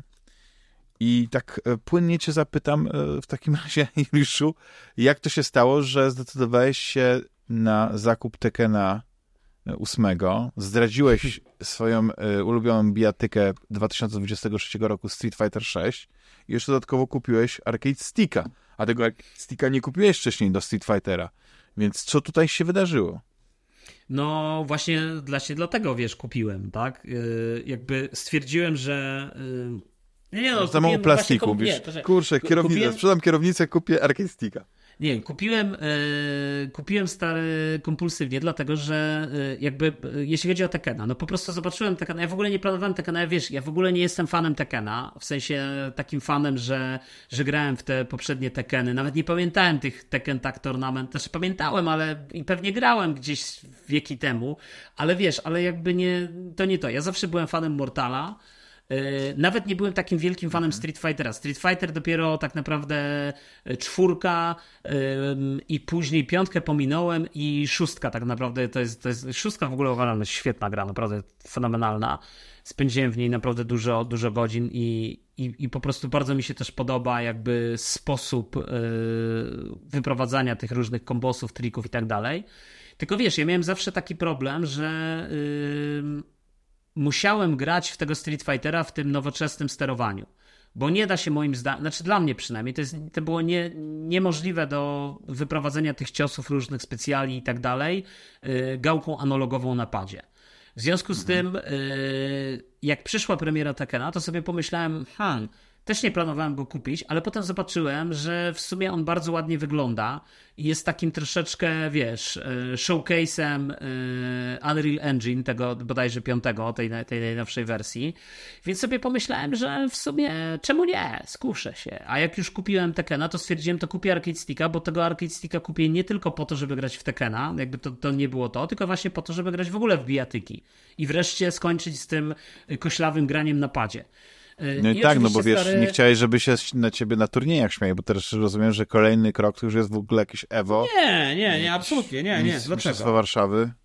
Absolutnie, w żaden sposób stare, e, to absolutnie mnie turnieje żadne nie interesują. Jakby, wiesz, w, te, w tym rodobicie nie zamierzam się doktoryzować teraz wykorzystania. Po prostu no to czysty kaprys i wiesz, i czysta taka jakby zwykła przyjemność, nie? Że, że troszkę to zupełnie inaczej się gra na tym arcade. To jest troszeczkę jak z kierownicą, czyli wiesz, tak czy siak się musisz, e, na początku masz ten moment, że jak pierwszy raz zaczynasz grać na kierownicy, e, no to jakby wykręcasz dużo gorsze czasy, dużo gorzej ci idzie, e, jakby ta. No, musisz się nauczyć po prostu tego nowego e, gadżetu, tak? Mhm. E, I tak samo jest z arcade stickiem, chociaż powiem ci, że na przykład na nowo odkryłem grę, której, której w ogóle jakoś specjalnie nie ceniłem, ale na nowo odkryłem Shredder's Revenge, nie? Żółwie Ninja i po prostu stary na arcade sticku normalnie się przeniosłem w czasie do, do czasów jak grałem w Żółwie Ninja stary na automatach mhm. jako dzieciak, nie gdzieś nad morzem tam, wiesz, rodzice tam już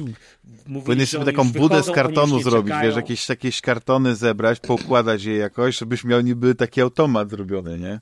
No, ale stary, ale wrażenie jest naprawdę świetne i, i gra się super, stary. Na, naprawdę gra się fenomenalnie. W ogóle jakby nagle się okazało, że ta gra może dostarczyć naprawdę niesamowitej frajdy. Znaczy, na, granie na padzie dla mnie było totalnie bez, bezpłciowe, bezwyrazowe. Natomiast na arcade sticku to jest w ogóle inny feeling.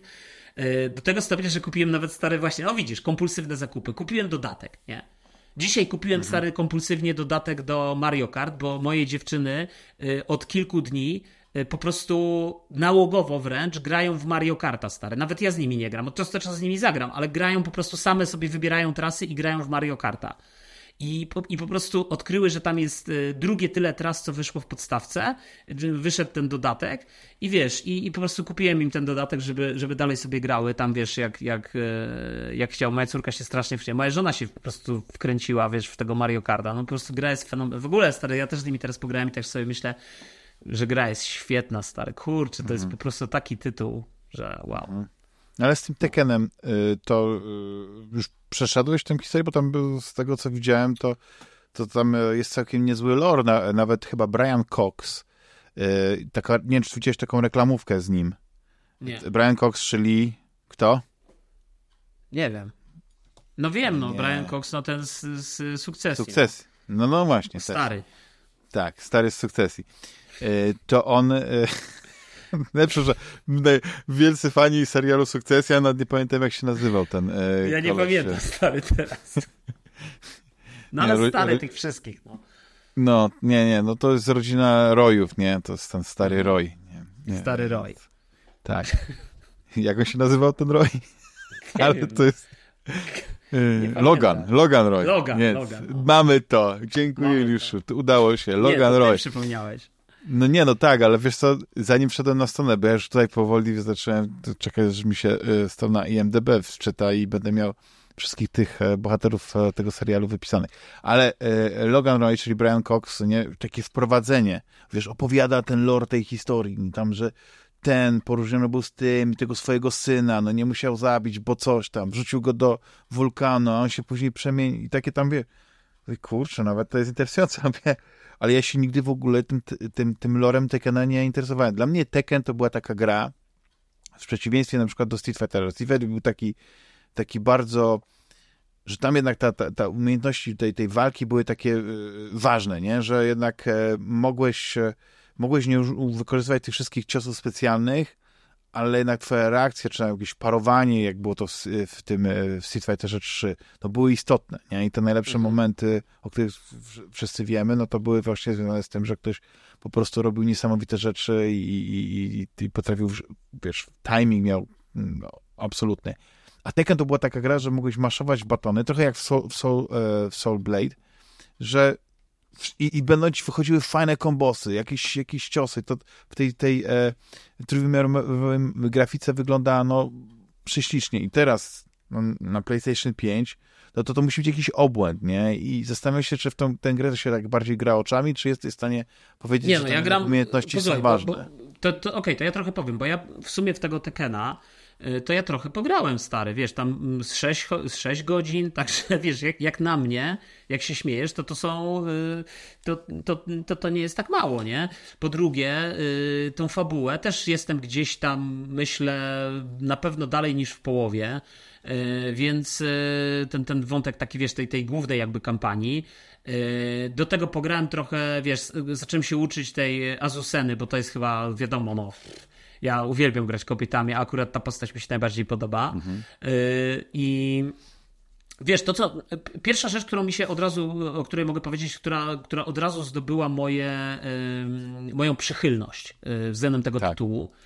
Y, w Street Fighterze stary, w podstawowej wersji, jak kupiłeś Street Fightera, włożyłeś płytkę, to masz po jednym stroju dla każdej postaci i ewentualnie możesz ten dodatkowy strój odblokować e, płacąc normalnie kasą.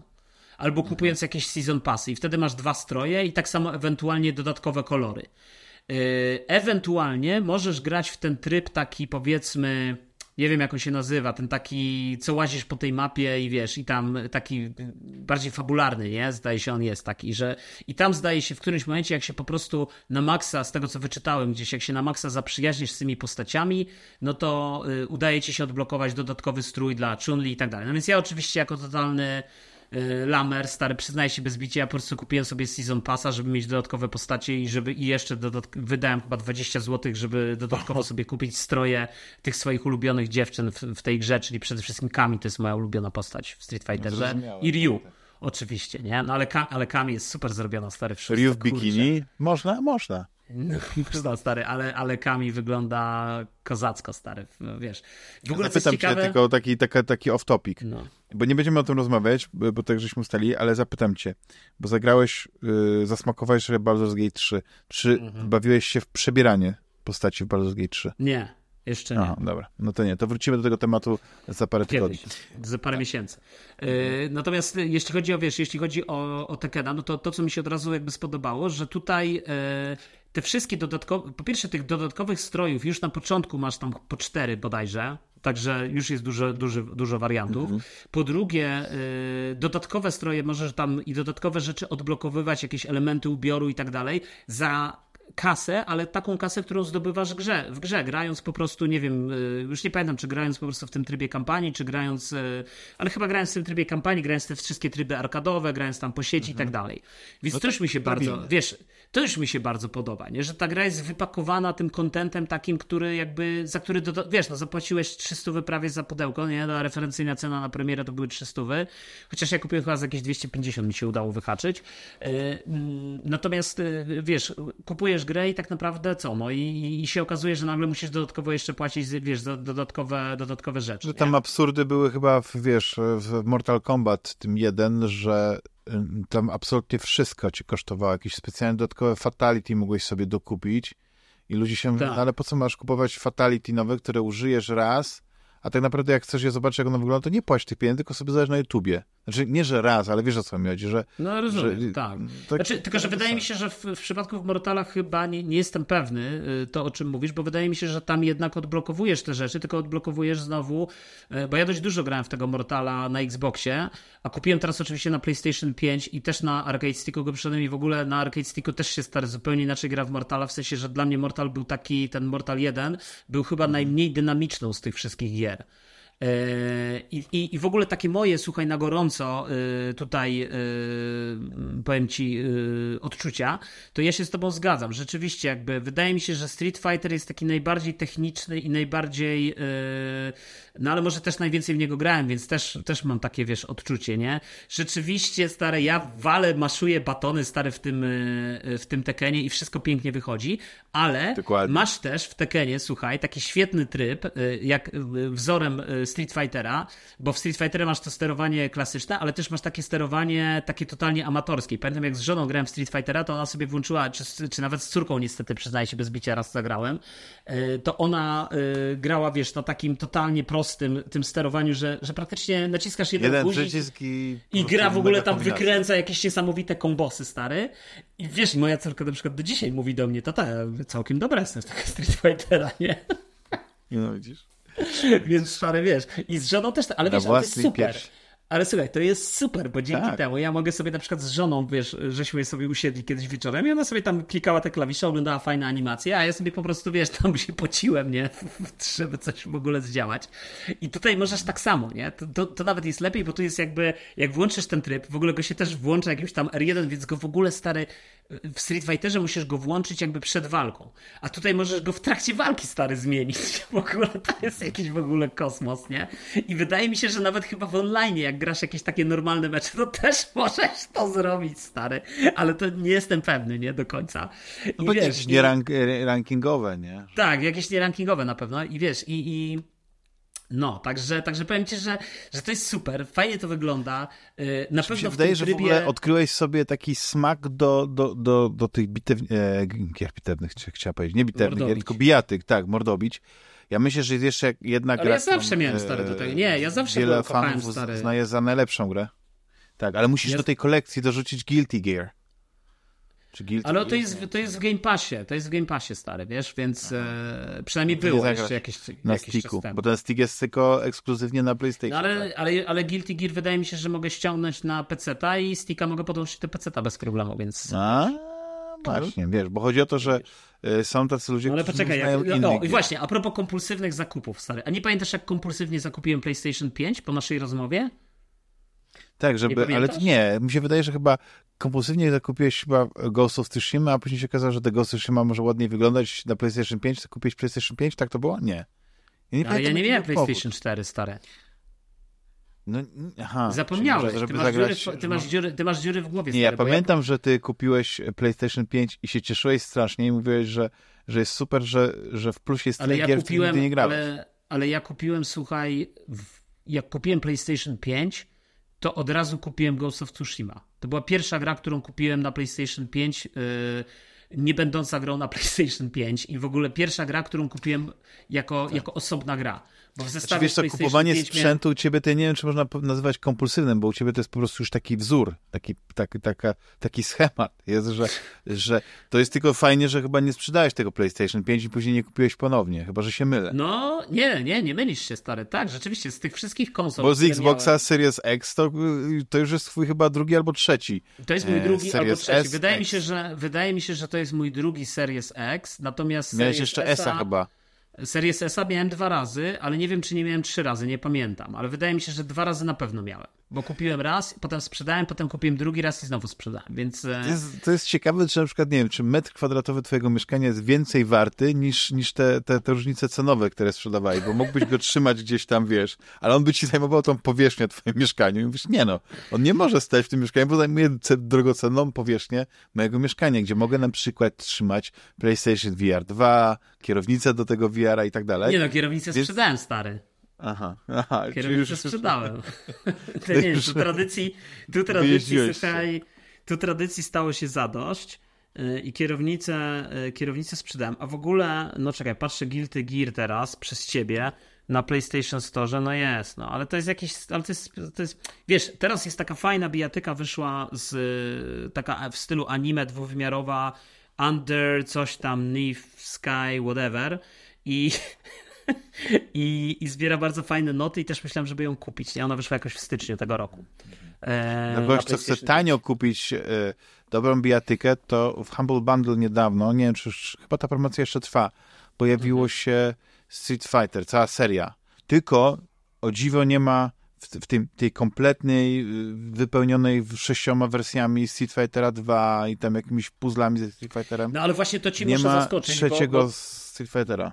Ale to właśnie muszę cię, ale to cię muszę zaskoczyć, bo jest, e, ja ostatnio też odkryłem właśnie, jak tylko kupiłem Arcade Sticka i go podłączyłem, to zacząłem testować gry i odkryłem, że na PlayStation Store, e, na PlayStation Plusie, e, w ramach tego abonamentu, który mam cały czas opłacony, e, jest, są wszystkie gry Street Fightera stare, do piątki włącznie. Y, nie ma szóstki tylko, tak? No bo szóstka to najnowsza, tak. ale masz Street Fighter Anniversary, który zawiera wszystkie od jedynki do trójki, bodajże tam alfy i, te warianty tych wszystkich wersji, który zresztą jest dostępny też na Switchu. Y, jest czwórka ze wszystkimi dodatkami i jest piątka ze wszystkimi dodatkami. Także jak Muszę sprawdzić, chciał... bo wydaje mi się, że, że w, w, w tym, tym nie było nie było trójki, a ja y, trójkę jedynie grałem właśnie na jakimś takim emulatorze tych, tych, tych systemów. Nie no, na Street Fighter Anniversary, 30th Anniversary, tak, na 30-lecie wydane, na pewno jest trójka. Bo sam grałem. No wiesz co, no nie dam, nie dam sobie palca uciąć. Yy, ja nawet. sobie dam, jest napisane, masz Street Fighter Alpha 3 oraz Street Fighter First Strike. No to Alpha 3 to nie jest to samo co y, Street Fighter 3. No ale Street Fighter 3 First Strike, no masz. Street tak? Fighter 2, Hyper Fighting i tak dalej. No wszystko masz, wszystko jest na pewno. No to zwracam honor, jeśli jest w takim razie. Widzisz? A pal- I bym nie miał palca. Już zresztą nie pierwszy, nie ostatni. Czekaj, tu, o, zobacz, tu jest wylistowane, znalazłem, co jest wylistowane w, tej, w tym dodatku. Y, Street no Fighter 3. Masz trzy gry z serii Street Fighter 3. Street Fighter 3 New Generation, Street Fighter 3 Second Impact i Giant Attack i Street Ale ty Fighter mówisz 3 First Strike to, Fight jest for the Future. w plusie, tak? W, nie, mówię to, co jest w Street Mówię to, co jest w Street Fighter 30th Anniversary Collection, czyli w takim zestawie y, na 30-lecie Aha. Street Fightera z okazji 30-lecia serii i to jest, to możesz kupić sobie na Switcha i to ten właśnie, ta, ta kolekcja jest też dostępna w PS Plusie. Aha, nie, no to ja myślałem o tym, co jest e, w tym, e, w tej paczuszce z Humble Bundle. Bo tam, no ja rozumiem, ale ja ci mówię, co jest w PS tak, Plusie, tak, tak. czyli w PS Plusie jakby nie potrzebujesz paczuszki w Humble Bundle, albo możesz kupić sobie Street Fighter 30th Anniversary Collection, Collection i będziesz miał wtedy, te, albo kupisz to, albo ściągniesz nie. PS Plusa i będziesz miał te wszystkie gry. Podoba mi się, że od razu robimy sprostowania na żywo, bo ja teraz zacząłem klikać, jak to zacząłeś czytać i faktycznie jest Street Fighter 30th y, Anniversary Collection, uh, playable on deck, i tam jest faktycznie, tak. Online Arcade Mode i graj z przyjaciółmi. Hyper Fighting, Turbo, Alpha 3 i Third Strike. Okej. Okay. Czyli sprawa zamknięta. I rozwiązaliśmy problem e, tej kolekcji, czyli po prostu e, można mieć za 18 30 e, euro, 37 centów 70 gier, w tym tę kolekcję z najlepszą wersją Street Fightera moim zdaniem. Nie. Ale jak ktoś by chciał tylko jedną Która jest grę najlepsza kupić, według ciebie? Ta trzecia?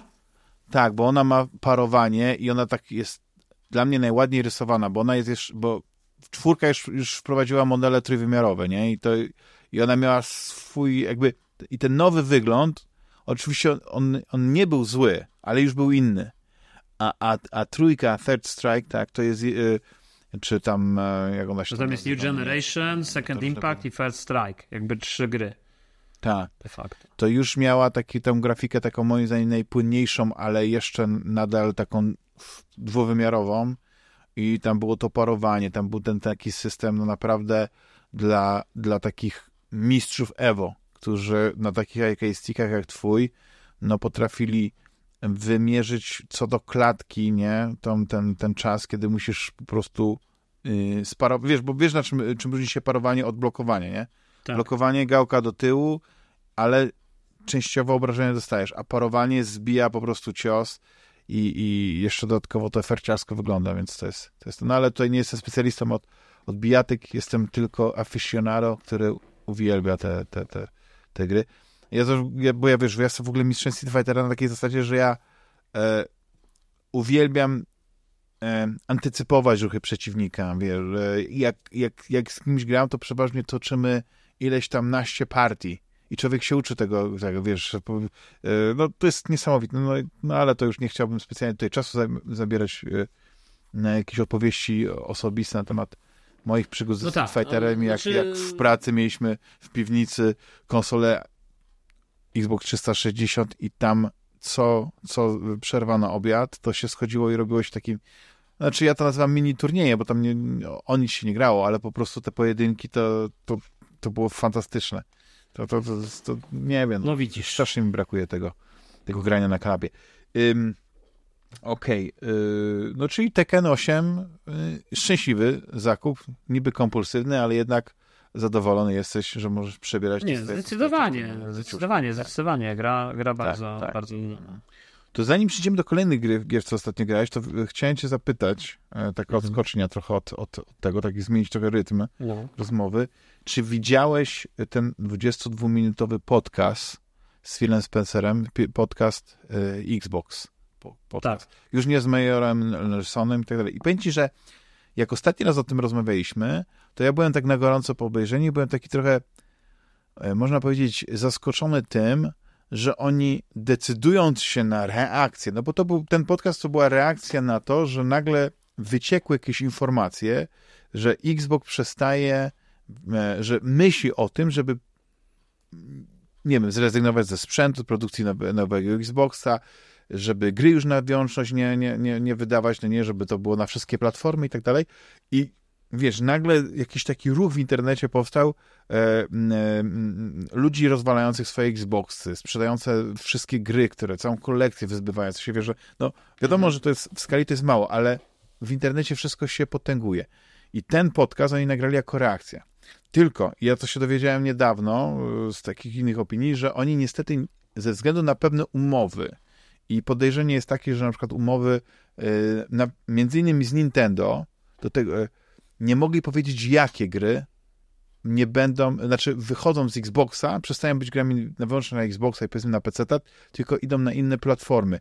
I plotki były, y, są takie, że te gry, które wyjdą między innymi z tych czterech, przynajmniej dwie, pojawią się na Nintendo Switch i to będzie chyba Pentiment i Hi-Fi Rush ale umowa jest taka, że to Nintendo na swoim Direccie ma to ogłosić. I oni nie mogli tego zrobić. Jakby, i, i stąd jakby taki, tak, tak, takie, takie samo zakneblowanie się, nie? Że, że, że oni tak mówili na koło, nie powiedzieli.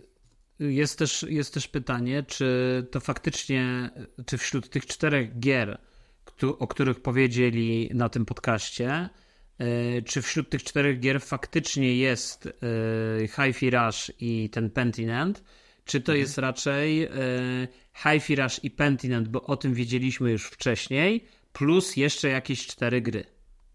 No, mi się wydaje, że chyba na razie to są te cztery No ale gry. pamiętaj, ale, no ale właśnie... Dwie jeszcze jakieś, znaczy jeśli chodzi o dwie, A może jeszcze wydaje mi się, że Sea of. Thieves będzie. No ale to Sea of Thieves to by była już trzecia, Y, więc moim No tak, zdaniem, już to- moim zdaniem jest, znaczy wiesz, ale wiesz, mi się wydaje, że o tym oni już mówili, o tym już było wiadomo, że te gry wyjdą, więc jeżeli oni mówią o czterech grach, to moim zdaniem mówią o czterech zupełnie innych grach. Znaczy, Bo ja wydaje, nie wierzę, To, ja, tak, ja bym to z obstawiał, że to przecieków są, może wyszło. ja bym obstawiał, że to będą cztery zupełnie inne gry. Co więcej, powiem Ci jedną rzecz. Y, Jakby y, ja ostatnio właśnie przeglądając sobie y, kategorię Pla- PlayStation, sklepu PlayStation online'owego, zauważyłem, że tam jest S Dusk Falls, które zaraz ma wyjść, które było XM i jest y, produktem first party od Microsoftu. Y, I co? I ja pamiętam, że w grudniu, y, znaczy nie pamiętałem w ogóle tego, bo tak się zaskoczyłem, nie? Tak spojrzałem, ja, to, to, jakieś, jakieś, to już jakaś informacja, że w PlayStation Store już możesz kupić, zamówić sobie w preorderze S Dusk Falls, a tak naprawdę nikt o tym nie mówił. I wygooglałem szybciutko i się okazało, że już w grudniu w tych różnych serwisach o grach donosili o tym, że ta gra wychodzi i zmierza na, na PlayStation. A to jest bez wątpienia rasowy ekskluzyw od Microsoftu. Eee, Znaczy ja ci powiem, jeszcze w tych I, e, plotkach wiesz, słyszałem, że... ale, ale, że... ale nie, ale poczekaj, ale chcę ci, chcę chcę, zmierzam tylko do tego, że tak naprawdę do końca nie rozumiem tej całej burzy. Yy, trochę się z tego śmialiśmy, yy, ale do końca tego nie rozumiem, bo w jakimś sensie Microsoft po prostu już od jakiegoś czasu generalnie bez większego tam halo wydaje swoje gry po prostu na, na PlayStation i Tak. na, na, na Switchu, tak? No, Dlatego właśnie że- oni chyba byli zaskoczeni tym, jak, jakie te wycieki. Właśnie może Ale dlatego, ja nie wiem, czy to była reakcja. Wiesz co, ja, ja nie wiem do końca, czy to naprawdę była reakcja, czy, czy, czy to była reakcja na ten, yy, wiesz, na, na ten, ten. Poza tym chciałem ci jeszcze jedną rzecz, w- zrobić Mhm. taki krok jeszcze yy, wstecz jeden.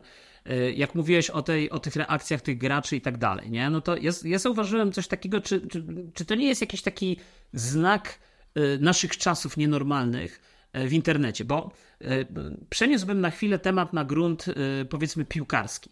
Ja słuchaj, czytam mi się na tym moim e, ścieku na Facebooku pojawiają różnego rodzaju informacje o lidze niemieckiej czy, czy lidze hiszpańskiej, nie? Lewandowskiego czy Harry'ego Kane'a. To są piłkarze, których w jakiś sposób śledzę, nie? Od, od pewnego czasu.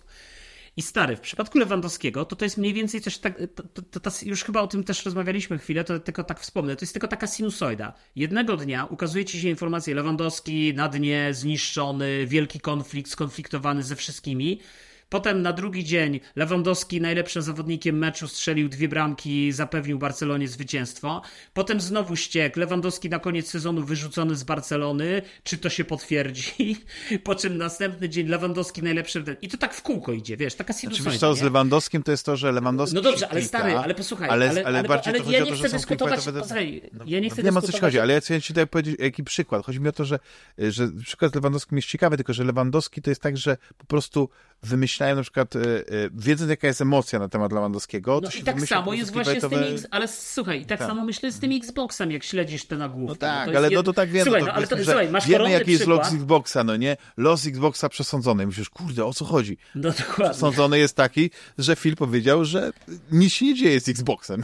Po prostu będzie... Znaczy, wiesz, ja w dalszym ciągu nie do końca wersją. rozumiem, ja, ja w dalszym ciągu, wiesz, nie, nie do końca rozumiem tłumaczenie Phila Spencera, y, jak y, Game Passowi ma pomóc wydawanie gier od Microsoftu na innych platformach. Nie do końca jest to dla mnie jasne i wydaje mi się, że oni troszeczkę się zaka- zakołapućkali w tych swoich tłumaczeniach, y, bo jasne, to pomoże biznesowi, y, i to w tym sensie, że po prostu te gry, które się ukażą, wiesz, a może to będzie Redfall.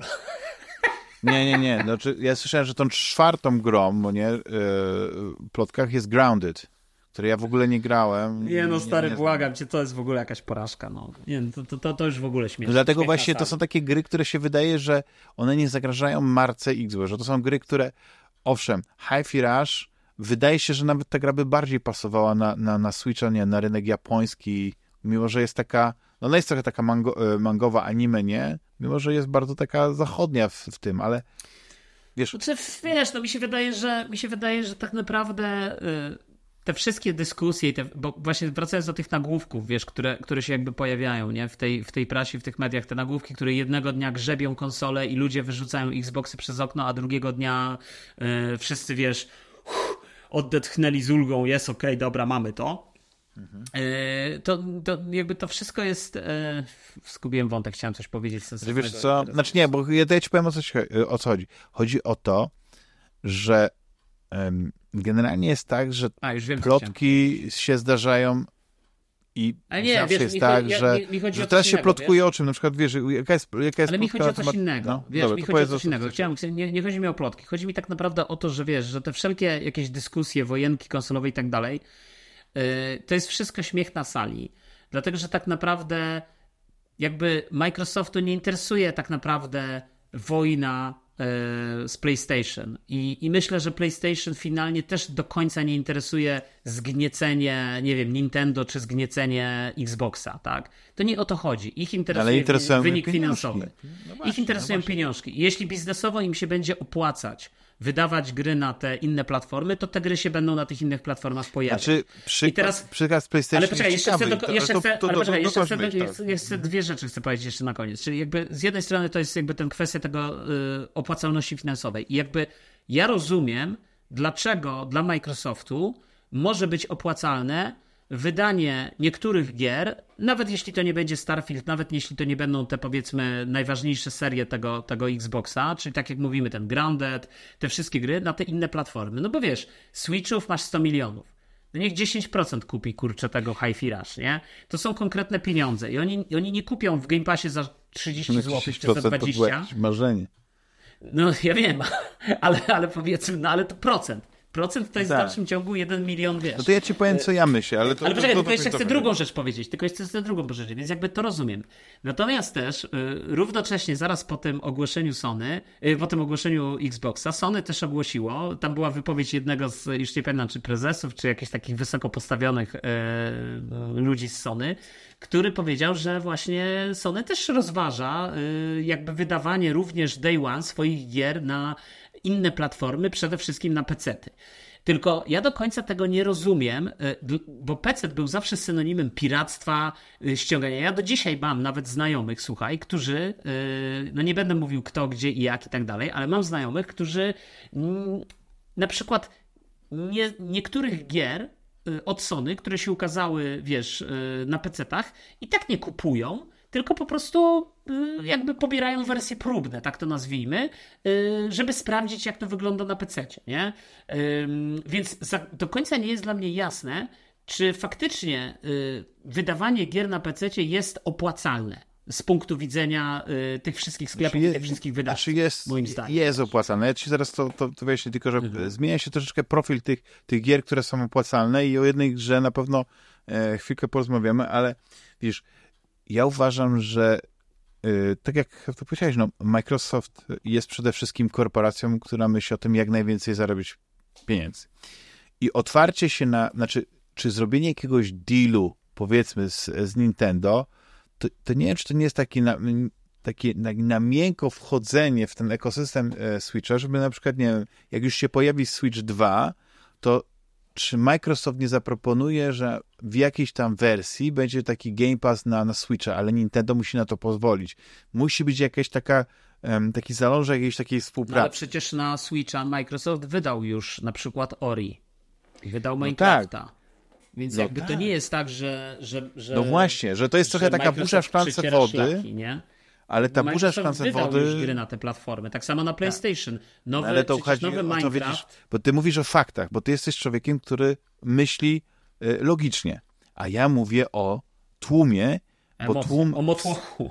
O motłochu. Motłoch myśli, y, myśli emocjami na zasadzie takiej, że widzę, że ludzie sprzedają widzę na przykład na, na, nie wiem, na jakimś wykopie, na jakimś reddycie, że ktoś mówi, że, że to jest mój paragon, oddałem wszystkie gry do sklepu, no nie, i nagle jak jedna osoba wrzuciła zdjęcie Paragonu, to wiesz, w internecie jedna taka osoba to odpowiada setkom tysięcy innych. Więc, coś, więc na pewno jest taki teraz trend, że ludzie sprzedają swoje Xboxy, swoje gry i tak dalej. No, Chodzi pewno. o to, że, że e, no, ja wiem, że ty jesteś człowiekiem, który mimo, że prowadzisz takie spokojne życie i nie, nie spędzasz tego czasu na, na, na Twitterze, na, na Facebooku i tak dalej, to docierają do ciebie te, te, te emocje właśnie, ten, te, te, ten, ta, ta, ten tłum, który po prostu szaleje w swojej euforii czy jakimś takim sentymencie i daje się ponieść tej, tej, tej, tej plotce, że nagle Microsoft robi coś, czego nigdy nie robił, bo plotka była tak nie, niepewna i ona tak jakoś się powstała, że to, że wszyscy, co myśleli? Nie, że Microsoft kolejną grę wydaje, bo widzisz, Microsoft nadal nie wprowadził do Game Passa y, Call of Duty, przynajmniej nie zapowiedział tego. Zapowiedział tylko, że wprowadzi y, Diablo 4 do Game Passa. Więc Który ludzie oczekiwali. Dokładnie, ludzie oczekiwali, że może właśnie ten, ten deal to przyniesie. Nie, on nadal będzie wydawał tę grę na wszystkie inne platformy, na które może wydawać, żeby zarabiać pieniądze. Ale chodzi o tę emocję, która y, tak buzowała, że ludzie myśleli, już mieli oczami wyobraźni, że wiesz, o jakie gry chodziło. Chodziło o to, że Starfield będzie, y, nagle przestanie być ekskluzywem na Xboxa konsolowym, że być może Avowed, nie, y, nowa gra wyjdzie na tej, że, że na pewno to już ta, ta plotka jest, że Microsoft rezygnuje ze sprzętu i Indiana Jones będzie na, na PlayStation 5 w dniu premiery. I te emocje tak się nasiliły, tak to wszystko kotłowało, że zanim powiedzmy Nintendo Direct, które też podobno się obsunęło no nie, w czasie, mogło wyjawić, jakie to gry z Microsoftu się u nich pojawiają i pewnie przeszłoby to bez echa. Gdyby nie to, że ta plotka wywoła taką lawinę tych, tych, tych sentymentów, tego, tej, tej, tej, tej akcji, że Microsoft musiał w rodzaju, czegoś rodzaju takiego PR-owego statementu. No wiesz, podcast, który który pojawia się raz na pół roku i kolejny odcinek tego podcastu jest zapowiedziany za cztery miesiące. Co on tak naprawdę powiedział? Nic. I znowu y, żyjemy kolejnymi plotkami, ale na pewno pewne rzeczy zostały uspokojone. No fakt, że okej, okay, Microsoft nie rezygnuje z, ze sprzętu. Nadal podkreśla, że i w ich gry najlepiej się gra na Xboxie, no ale z drugiej strony najlepiej nie znaczy, że tylko na Xboxie można grać, no bo, bo wiesz, znowu z drugiej strony podkreślali, że dla nas jest ważne, że jak kupisz grę w sklepie Microsoftowym, to te Play Anywhere decyduje, że nie musisz mieć nawet tego sprzętu, wystarczy, że masz przeglądarkę albo PC-ta i mając konto e, live, jesteś w stanie grać w, te, w, tę grę w każdym możliwym momencie, czy na telefonie, czy na konsoli i tak dalej, bo masz tam te savey w chmurze i tak dalej, więc, więc oni podkreślali to, no bo też była taka e, taka obawa, że no skoro oni tak w tą cyfrę idą i tego Game Passa, to że będą rezygnować z, z wydań pudełkowych. Nie powiedzieli nic takiego, że nie rezygnują z, z, z wydań pudełkowych, no ale e, coś na pewno jest na rzeczy w tym wszystkim. I szczerze mówiąc, wydaje mi się, że zmienia się trochę taka e, e, to, to, to wydawanie gier tych ekskluzywnych, bo gra, w którą, e, bo już zamykając ten temat Microsoftu, mhm. no nie, bo wydaje mi się, że e, musimy po prostu poczekać na pewne rzeczy, które się wyjawią. Więcej informacji na temat e, biblioteki Activision. Znaczy, wiesz, ja tylko na koniec, ja tylko mhm. na koniec jeszcze ostatni tak? taki komentarz, że jasne, Microsoft nie wyda Starfielda, przynajmniej na razie powiedział, że to nie dotyczy Starfielda, to nie dotyczy y, Indiana Jonesa, ale tak naprawdę jak zrobił teraz konferencję, na której powiedział, że wyda cztery gry na, na tego, to nic nie stoi na przeszkodzie, żeby za pół roku albo za półtora roku zrobił kolejną konferencję i powiedzieć, że stwierdziliśmy, że żeby tak. rozwijać markę Xbox koniecznym jest przeniesienie Indiana Jonesa na PlayStation i zrobienie jeszcze wersji na Switcha, nie? No bo tak, znaczy, wyobraź sobie... Ja, ja, nie mam problemów wyobraź... z tym, że... że y, nie, ja też nie mam z tym czasowy. problemów, tylko ja też nie mam z tym problemów, tylko, tylko mówię o tym, że to w dalszym ciągu to jakby może się wydarzyć, nie? W przeszłości, więc ci wszyscy, którzy mhm. sprzedali z tego powodu Xboxa, ich pocieszam, że może jednak dobrze tak. zrobili. Natomiast tak. jeśli, chodzi, jeśli chodzi o, wiesz, y, y, o te gry, to nawet bym się dziwiłem, by wyszły na Switcha, bo przecież y, przypomnij sobie, że Harry Potter ostatni, który był jedną z w sumie ładniej wyglądających gier, a już na pewno ładniej wyglądających gier początku zeszłego roku, takich gier zachwycających wręcz oprawą no wizualną. No i zapowiadających się na, na, na śliczną grę, w końcu doczekał się po roku premiery na Switcha, która oczywiście, wiesz, nie masz już otwartego świata, świat jest podzielony na jakieś loadingi i tak dalej i, i wiesz, i powiedzmy połowa tekstur się nie doczytuje. Ale jest. No ale, ale jest, wyszedł na Switcha. No, ale wiesz, bo, bo wydaje mi się, że e, nie będzie nic złego, jeśli na przykład, nie wiem, przyjdziemy w taki model, e, że przynajmniej rok wcześniej, jeśli chcesz zagrać jakąś, bo to, bo to i pozwoli y, mieć ciastko i zjeść ciastko. Czasowe ekskluzywy, tak? Ok, Starfield przez pierwszy rok będzie ekskluzywnym tytułem na Xboxa, a później może wyjść na PlayStation 5. To samo może być z innymi tytułami. E, ludzie mówią, że Final Fantasy XVI wyjdzie e, na Xboxa e, na pewno po jakimś czasie. No, kto wie. Jest ciekawa zmiana znaczy, podejścia. Najpierw na PC tam musi wyjść. Tak, bo zauważ, że Sony no, stało tymi swoimi ekskluzywami. I te, te ekskluzywy Sony były takie, że oni stali mur beton za nimi. Ale od pewnego czasu, no, jesteś sprawnym obserwatorem rzeczywistości na, na, na naszej branży, zauważyłeś, że te gry z, z PlayStation, które były kiedyś ekskluzywne, zaczęły ukazywać się na PC-cie. Nie? I to no był tak, ale, ale wiesz, ale, ale. Po ale czasie wiesz, czasami, ale, prawda, ale, ale Spider-Man. czasie, wiesz. No tak. Ale mamy kolejną zmianę trendu. W tym samym czasie, kiedy premierę miała gra na, y, na PlayStation 5, też ta gra miała premierę na PC i okazała się absolutnym hitem i w żaden sposób nie spłynęła na sprzedaż negatywnie tej gry na, na, na, na, PlayStation i to jest Helldivers, druga część. I no, chciałem cię zapytać, Juliuszu, czy ty podzielasz w ogóle tę opinię, że ta gra jest, to jest jakieś objawienie, że to jest kapitalna gra, i też wydaje mi się, że w pewnym stopniu ona nawiązuje do tego naszego kupowania kompulsywnego, bo to też chyba była gra, o której nie myślałeś, że w nią zagrasz. A okazała się być jakimś yy, Tak, no mam znowu déjà vu, jak, jak rozmawiamy, ale y, postaram się zachować yy, powagę. powagę sytuacji. Ja yy, rzeczywiście nie brałem w ogóle pod uwagę zakupu tej gry. Dość powiedzieć, że na wszystkich prezentacjach Sony na tych State of Play no okej, okay, widziałem, że to wychodzi. Myślałem, to będzie jakiś taki przeciętny ko- koop w stylu, wiesz, Back for Blood, czy Extraction, czy yy, czy, czy nie wiem, yy, Redfalla, tylko że Redfall, no powiedzmy, to, to, to była masakra, ale yy, powiedzmy Back for Blood czy Extraction, no to były gry, które gdzieś tam przyciągnęły jakąś tam grupę ludzi, pewnie Extraction większą niż mniejszą. E, no i ta różnica była taka, że Extraction, Rainbow Six Extraction, no to była gra, która jednak zwróciła moją uwagę i e, ja w nią dość dużo grałem, do tego stopnia, że nawet ja ją kupiłem na PlayStation, e, wiesz, 5, mimo że, mimo że ona była w Game Passie, to ja ją kupiłem na PlayStation 5 i, i po prostu grałem sobie na Playaku i, i sporo czasu w niej poświęciłem. Natomiast tego Helldivers w ogóle nie brałem pod uwagę. Kupiłem go totalnie kompulsywnie, bo przeczytałem nagłówek y, jednego newsa, że y, to było zdaje się w piątek ostatni, y, nie, nie ostatni, tydzień temu, czy dwa tygodnie temu, w zasadzie nie wiem kiedy będzie się, kiedy opublikujesz ten odcinek, ale powiedzmy no, w piątek, w dniu premiery Helldivers, przeczytałem taki nagłówek, że ta gra na Steamie osiąga jakieś niesamowite wyniki. E, a ponieważ jest, wiesz, e, multiplayer e, multiplatformowy tutaj, więc stwierdziłem, że hmm, tak, to może być fajne, zagram. Tak, crossplay. Więc, więc ściągnął, więc kupiłem po prostu, nie? To, to jest tytuł, który jest w niepeł, jakby to powiedzieć, w niepełnej cenie, no bo on jest, on kosztuje chyba 179 zł na premierę, plus tam jakaś wersja 250, jakaś wersja deluxe, czy, czy tam digital deluxe, Wydaje mi się, że jest też wersja pudełkowa. No ja kupiłem w cyfrze.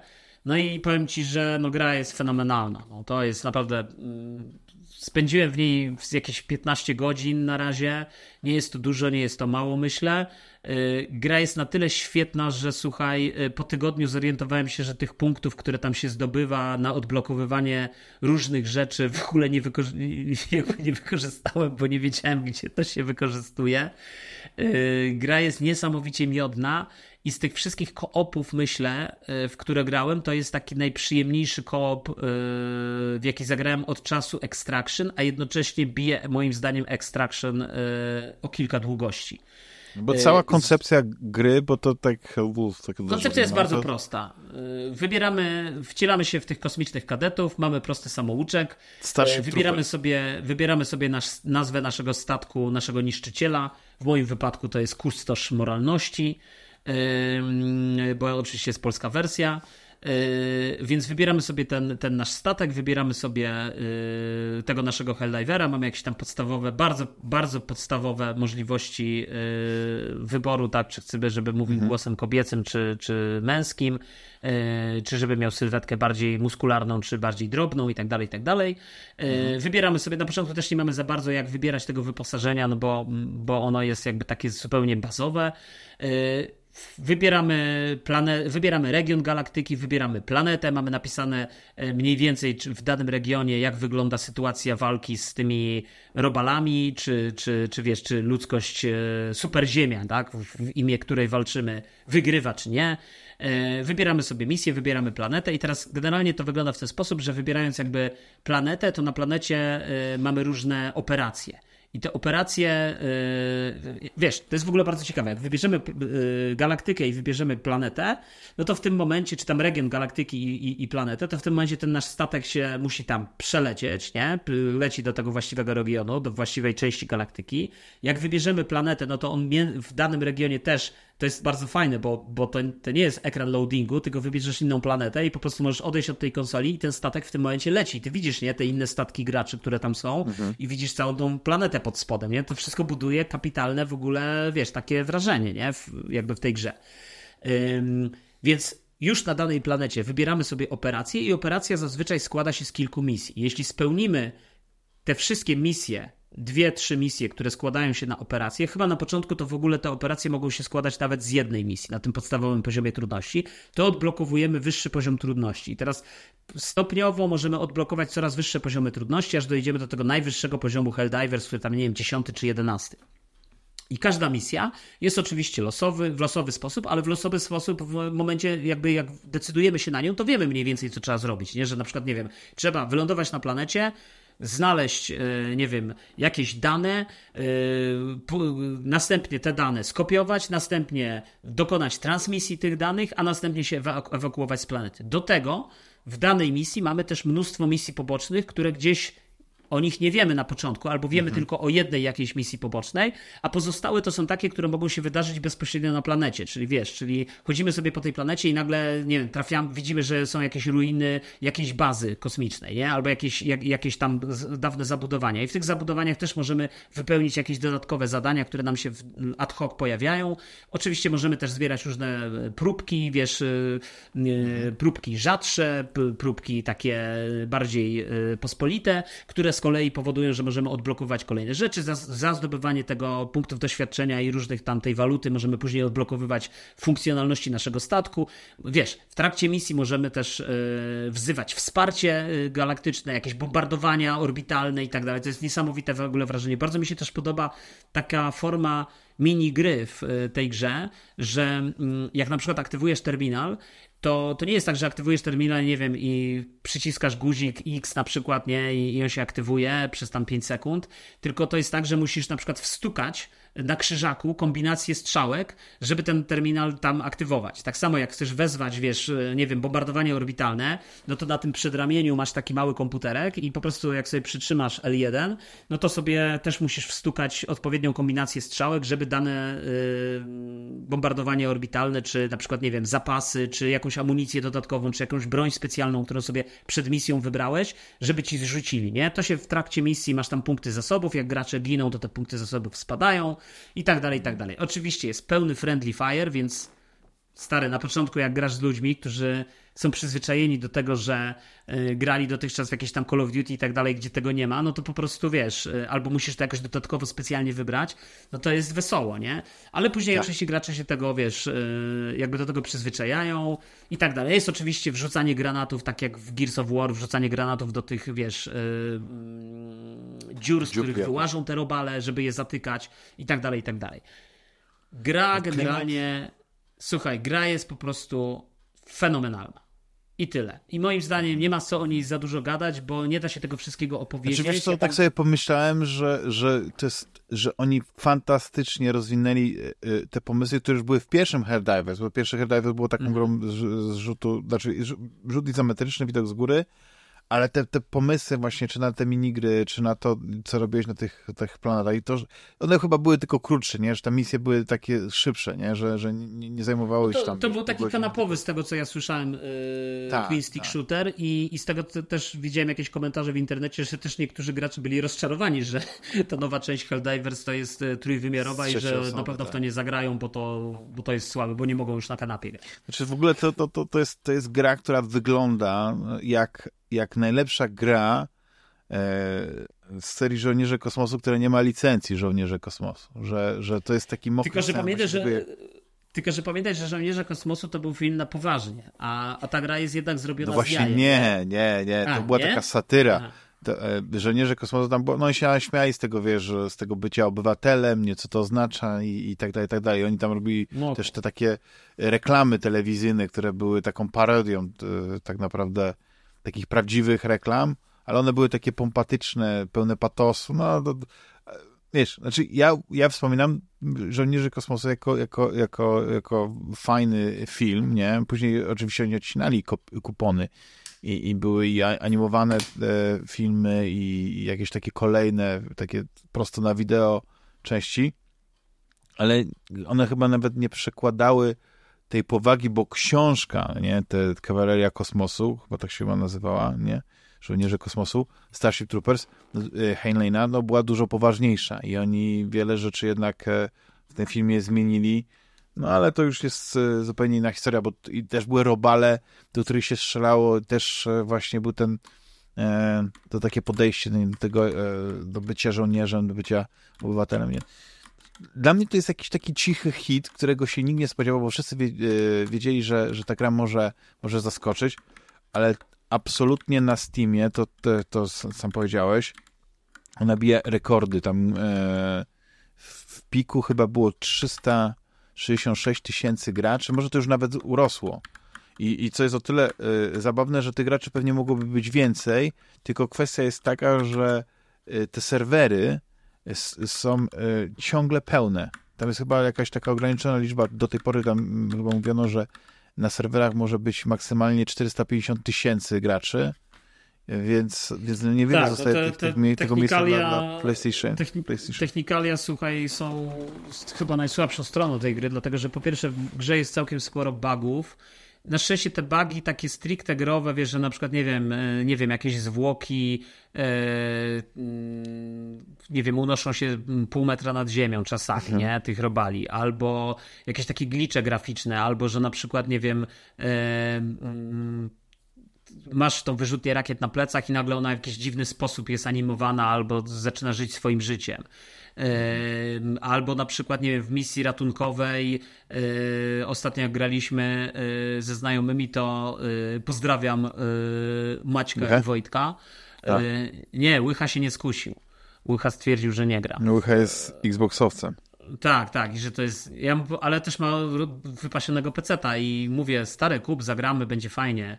Nie, to nie dla mnie. No to okej, no to wiesz, to nie zmuszam, nie? Tak, ale, szkoda. w Extraction grał.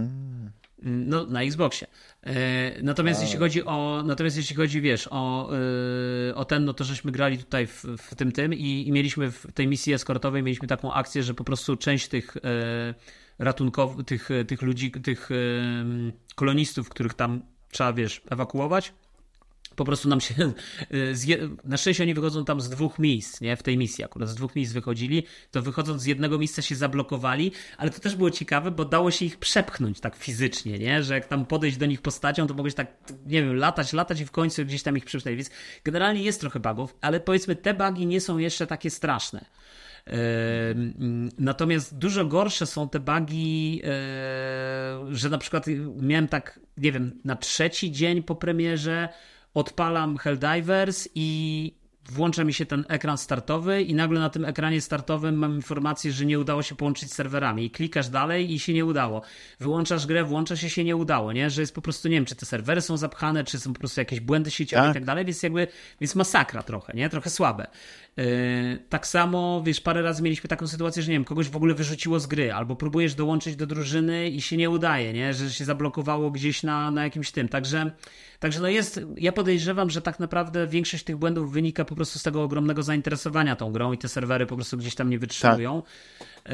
Yy, więc mam nadzieję, że to naprawią i mam nadzieję, że ta, ta gra nie podzieli losu Palwarda, który też miał bardzo dobry start na yy, Xboxie, czy w ogóle szerzej na Steamie E, a teraz się słyszy o tym, że jednak mnóstwo ludzi rezygnuje z grania, nie? Że też te, ostatnio czytałem, że Palworld zaliczył jakiś tam największy drop, jeśli chodzi o, o graczy, tak? E, e, którzy grali i którzy przestali grać. Więc, więc no mam nadzieję, że ten... Palworld, Palworld po prostu zaistniał medialnie jako, jako taki fenomen i wszyscy reklam... wiesz jak reklamowali Palworlda? No jako Pokemony, z karabinami, no. Tak, i się wszyscy zachłysnęli, a później okazało się, że no okej, okay, może tam jest ta stylistyka trochę Pokemonów i trochę tej yy, i są te givery, ale jednak nadal to jest yy, taki survival, nadal do tej gry potrzebne jest odpowiednie podejście. To nie jest tak, że jakiś taki yy, randomowy, znaczy taki przeciętny gracz, który nie potrafi zainwestować tyle czasu w takie gry, jest w stanie po prostu się tam odnaleźć, nie? On może mieć jakąś taką ciekawostkę, zobaczyć jak to wygląda, wiesz, no kupili pewnie, zapłacili. Ja nie, wiesz co, ja nie grałem, ja nie grałem w tego Palwarda i z tego co czytałem, to chyba nie jest gra dla mnie zasadniczo, bo ja nie lubię tych wszystkich jakich survival yy, tak. wiesz, sieciówek, nie? Yy, natomiast dla mnie, no po prostu mówię, yy, Helldivers to jest gra, która się idealnie wstrzeliła w moje gusta i jakby to, co mogę powiedzieć i to, co mnie jakby na razie Dlaczego mnie nie dziwi to zainteresowanie tą grą, wynika po prostu z tego, że to jest bardzo solidny fundament gameplayowy który, który ta gra ma. I, tak. I to jest po prostu, i to jest petarda. Czyli to są Także, najważniejsze, bo wszystko inne można właściwie napra naprawić, tak, dokładnie. Znaczy wiesz, ja, ja myślę, zobaczymy jak to, się, jak to się dalej rozwinie, natomiast ja rzeczywiście od czasu, wiesz, moim ukochanym koopem zawsze był y, Left 4 Dead, szczególnie Left 4 Dead 2. Y, I tak naprawdę od czasu Left 4 Dead żadna gra w koopie, ani Extraction, ani Back 4 Blood jakby te gry w żaden sposób nie, nie dały mi tego samego y, uczucia y, fanu, zadowolenia, tej radości z gry, którą miałem grając w, w Left 4 Dead, w które grałem totalnie z randomami, nie? Jakby zawsze. I się to nie bałeś, ludzie... mimo elementów horrorowych tam. No ale wiesz, bo to jest właśnie tak, jak już chyba z kimś o tym rozmawiałem. Wiesz, horror w takim znaczeniu, że nie wiem, postać głównego bohatera wchodzi do czarnego korytarza, to to jest tak, to to ja się boję, ale, ale horror na zasadzie noc żywych trupów, no to jakby ta konwencja jest na tyle dla mnie śmieszna i, i, i jakby cała ta historia to jest tak przerysowana, że tak by to nie jest dla mnie horror, więc Left 4 Dead nie jest dla mnie w żaden sposób, e, nie był dla mnie straszny, był emocjonującym, niesamowicie świetnym shooterem w koopie, do tego z kapitalną e, sztuczną inteligencją przeciwników, tam różnymi falami, to, to bardzo fajnie było zrobione w tej grze. No i właśnie odwołaniem się do tej konwencji właśnie zombiaków, wiesz, spod znaku Johna Romero, Nocy Żywych mhm. Trupów i tak dalej, nie? A jeśli chodzi o y, żołnierzy kosmosu, czyli Helldivers, no to jakby jestem zaskoczony, wiesz, bo, bo jakby w żaden sposób żołnierze kosmosu to nie jest coś, co mnie interesowało, w żaden sposób te trailery mnie nie interesowały, natomiast gameplayowo po prostu jestem zachwycony. Fenomenalna. Mhm. I tyle. Y, Juliuszu, w co jeszcze co jeszcze Może to teraz ty powiedz, co ty grałeś. Znaczy ja to tak, e, no nie chcę tutaj za bardzo zrobić, wiesz co, odpaliłem, ale to tylko dwa słowa powiem. Odpaliłem e, Inquisitora, czyli naszą A. polską grę na podstawie e, serii książek Jacka Piekary i mam, mam mieszane uczucia, no bo dobrze ale życzyłem tej grze. Jak ostatni dlatego, raz że... o tym rozmawialiśmy, to mówiłeś, że chciałeś jednak kupić. Znaczy miałem, bo, bo, bo, tak, tak, bo generalnie jest e, w tej grze e, parę dobrych elementów. Znaczy takim jedynym naprawdę dobrym elementem to jest przede wszystkim e, to są dialogi i ten polski dubbing. No aktorzy mhm. to jest, to jest śmietanka i, i, i tego, to się udało przy tym budżecie, jaki chyba mieli, dosyć niskim, udało się duże, duże pieniądze na to przeznaczyć, zresztą wersja chyba angielska też nie jest taka najgorsza.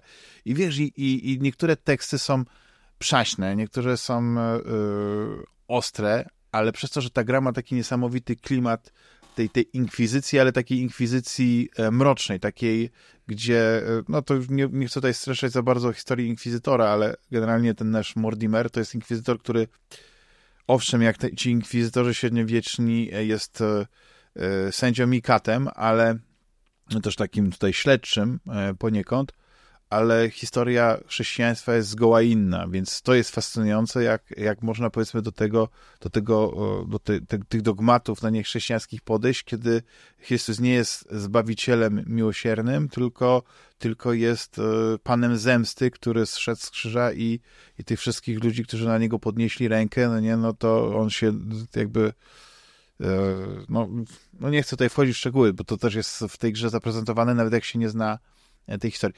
I to jest, to jest dobre, nie? Ale niestety, no ta gra to ma, ma Wiesz co, ja, ja też zagrałem. I, i, I te postacie wyglądają fatalnie, no nie, no to, to ale no to, to widziałeś chyba, nie? Tą, tą grafikę. Tak, no postacie wyglądają fatalnie, ale z drugiej strony, y, tak jak patrzę sobie na ten świat, na tą grafikę, tak jak ściągnąłem to demo, to, to powiem szczerze, że, grafi- że, że tak, no, y, graficznie właśnie jest nierówno, bo z jednej strony postacie, animacja postaci to wszystko tragedia, ale z drugiej strony y, sam świat, sam, samo to, jak to miasto się prezentuje, wygląda mhm. całkiem spoko, wiesz, no tak. jakby znaczy, tak, tego nie miasta, ma, no. te, te, te, ten rynek, bo jesteśmy e, w tym Königen, czy coś jakoś z niemiecka mhm. chyba tą nazwę wymieniam, nie wygląda źle. Niestety nasz Mortimer ma wygląd e, dosyć pospolity. Włosy to układają mu się w hełm Lorda Vadera. Postacie, które spotyka, no mają nie wiem ile poligonów, ale, te, ale to wygląda jakby miał taki, że ten model twarzy jest jakby naciągnięty w taki sposób, że zastanawiasz się, czy to jest gra, która by osiągnęła znaczy, czy ktoś by skrytykował tą grafikę, gdyby ta grafika na przykład, owszem, mm, wyglądała tak teraz, ale nie wiem, na 360. Czy wszyscy mówili, że ona by wyglądała jak na przykład, nie z pierwszego Xboxa. Ale w ogóle przyjrzyj się Bo tej postaci na... tego Mordimera, nie? Bo teraz tak sobie włączyłem to. Tak. Jak, jak on dziwnie wygląda. On, jakby te jego włosy sprawiają wrażenie czapki. No tak, tak. Ma takie tak. duże, ma takie wysokie no, czoło no, i jeszcze na to z tyłu to wygląda na to czoło, jak taką czapkę po prostu z włosów. Tak, tak. No więc, więc graficznie tutaj trzeba niestety się yy, no, przygotować na, na pewien szok. Yy, I mimo, że, że tak jak powiedziałeś, no to średniowieczne... Ale słyszałem, Damianie, yy, że bardzo byłeś ale słyszałem, Damianie, że byłeś bardzo zachwycony e, walką w tej grze, która jest nie no właśnie, jak balet. I, znaczy, to jest, to jest wszystko w tej grze takie y, y, zrobione, że jak, jak, jak bym to opisał, to tak myślę, nie no, to brzmi całkiem nieźle, nie? Że, y, że można blokować, można parować, że, że są uniki i, i ta, ta walka jest w miarę płynna, ale, ale to się w ogóle nie zgrywa, wiesz? To, to, to, to ta walka nie jest przyjemna i jak, e, jak e, kilka takich potyczek stoczysz, bo tam jest e, taka sytuacja, że gdzieś tam mm, musimy jakichś rzezimieszków, prawda, ten atak, jakiś, jakiś, jakieś zasadzkę, no nie, musimy ich zaszlachtować, no bo właściwie coś tak kończy dla nich nie najlepiej. Czy w jakimś pojedynku takim treningowym, wiesz, toczymy walkę to, to, to nie jest nic, nic takiego, co, co byś powiedział, ok, no to nam się udało, nie? Mimo tej grafiki koślawej, to po prostu nie wiem, jaki był budżet, nie chcę mówić, bo, bo, bo, bo to studio The Dust e, a to jest jakaś debiutancka gra tego studia? Czy... Właśnie nie wiem, właśnie dlatego się zastanawiam, czy to jest ich pierwsza gra, czy nie.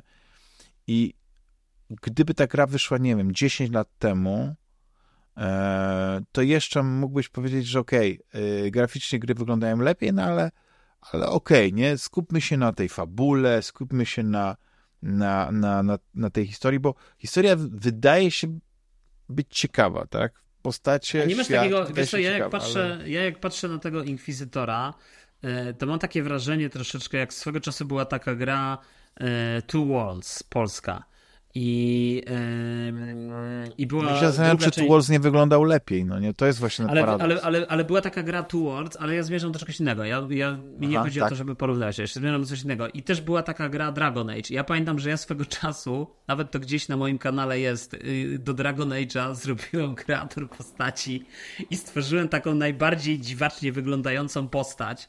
Yy, I, I, mam wrażenie, że teraz jak sobie tak przeskrolowałem tutaj różne filmiki z tego Inkwizytora, czy też nie jest tak, że ci twórcy tej gry sobie po prostu dla jaj zrobili, dobra, to jak stwórzmy najbardziej dziwaczne, dziwacznie wyglądające postacie, stare, jakie się da zrobić, po prostu dla żartu.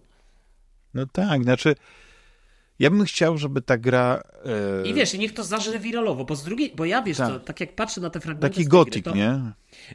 Taki trochę gotik, ale wiesz, ale gotik był na poważnie, nie? A tutaj mam wrażenie, że wiesz, bo z tego co mówisz i, i z tego co ja widziałem, to ja osobiście y, chyba bym zagrał w tego Inkwizytora. Tego tak, pudełkowej wersji nie chcę kupować, bo to jest bez sensu w dzisiejszych czasach, mhm. a wersja cyfrowa za 150 czy tam 160 zł, nie wiem ile teraz kosztuje, to uważam, że jest troszeczkę za dużo. Ale z drugiej strony, jak wyjdzie jakaś edycja E, wiesz, e, przeceniona. Na przykład e, na Nintendo są czasem gry są przecenione 90%. Stary, ostatnio patrzyłem na zestaw trzech gier, z czego jedna to była taka, już nie pamiętam jak się nazywała, która, która była na radarze i był ze 180 zł przeceniony na 8 zł, stary. Taką promocję bym chciał na Inkwizytora zobaczyć. Czy to nie zmierza na Switcha? Znaczy, wiesz co, jakby ta gra wyszła na Switcha, to jeszcze pewnie mógłbyś powiedzieć, że okej, okay, no nie, jak na Switcha, to ta grafika mogłaby przejść, ale tam jest dużo w tej, w tej grze niestety takich niedoróbek i, i, i to, jak to prowadzimy te śledztwa, jak chodzimy po tym, e, tym świecie, tam, tam masz ten e, ciekawe motywy z tą modlitwą, nie? czyli takim tym skupieniem. E, no, to jest jakiś rodzaj takiej mechaniki i musimy to skupienie czasami odbudowywać, podchodząc do tych różnych kapliczek i tam się modlimy i jakieś takie fajne, fajne te modlitwy są. Jakby to, wiesz, jedno, dwa zdania, ale takie naprawdę grube.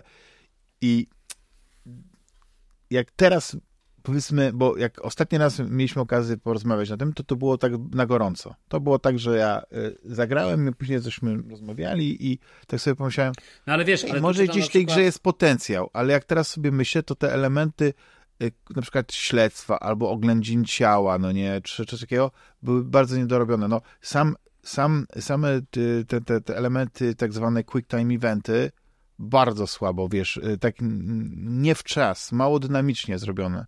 No, y, bo one niby mają odzwierciedlać, że bieg, na przykład ten pierwszy Quick Time Event, który ty widziałeś, nie? Który miał odzwierciedlać twój pościg za jakimś dzieciakiem, który cię okradł przed tymi uliczkami tego średniowiecznego e, grodu, nie wiem, miasta.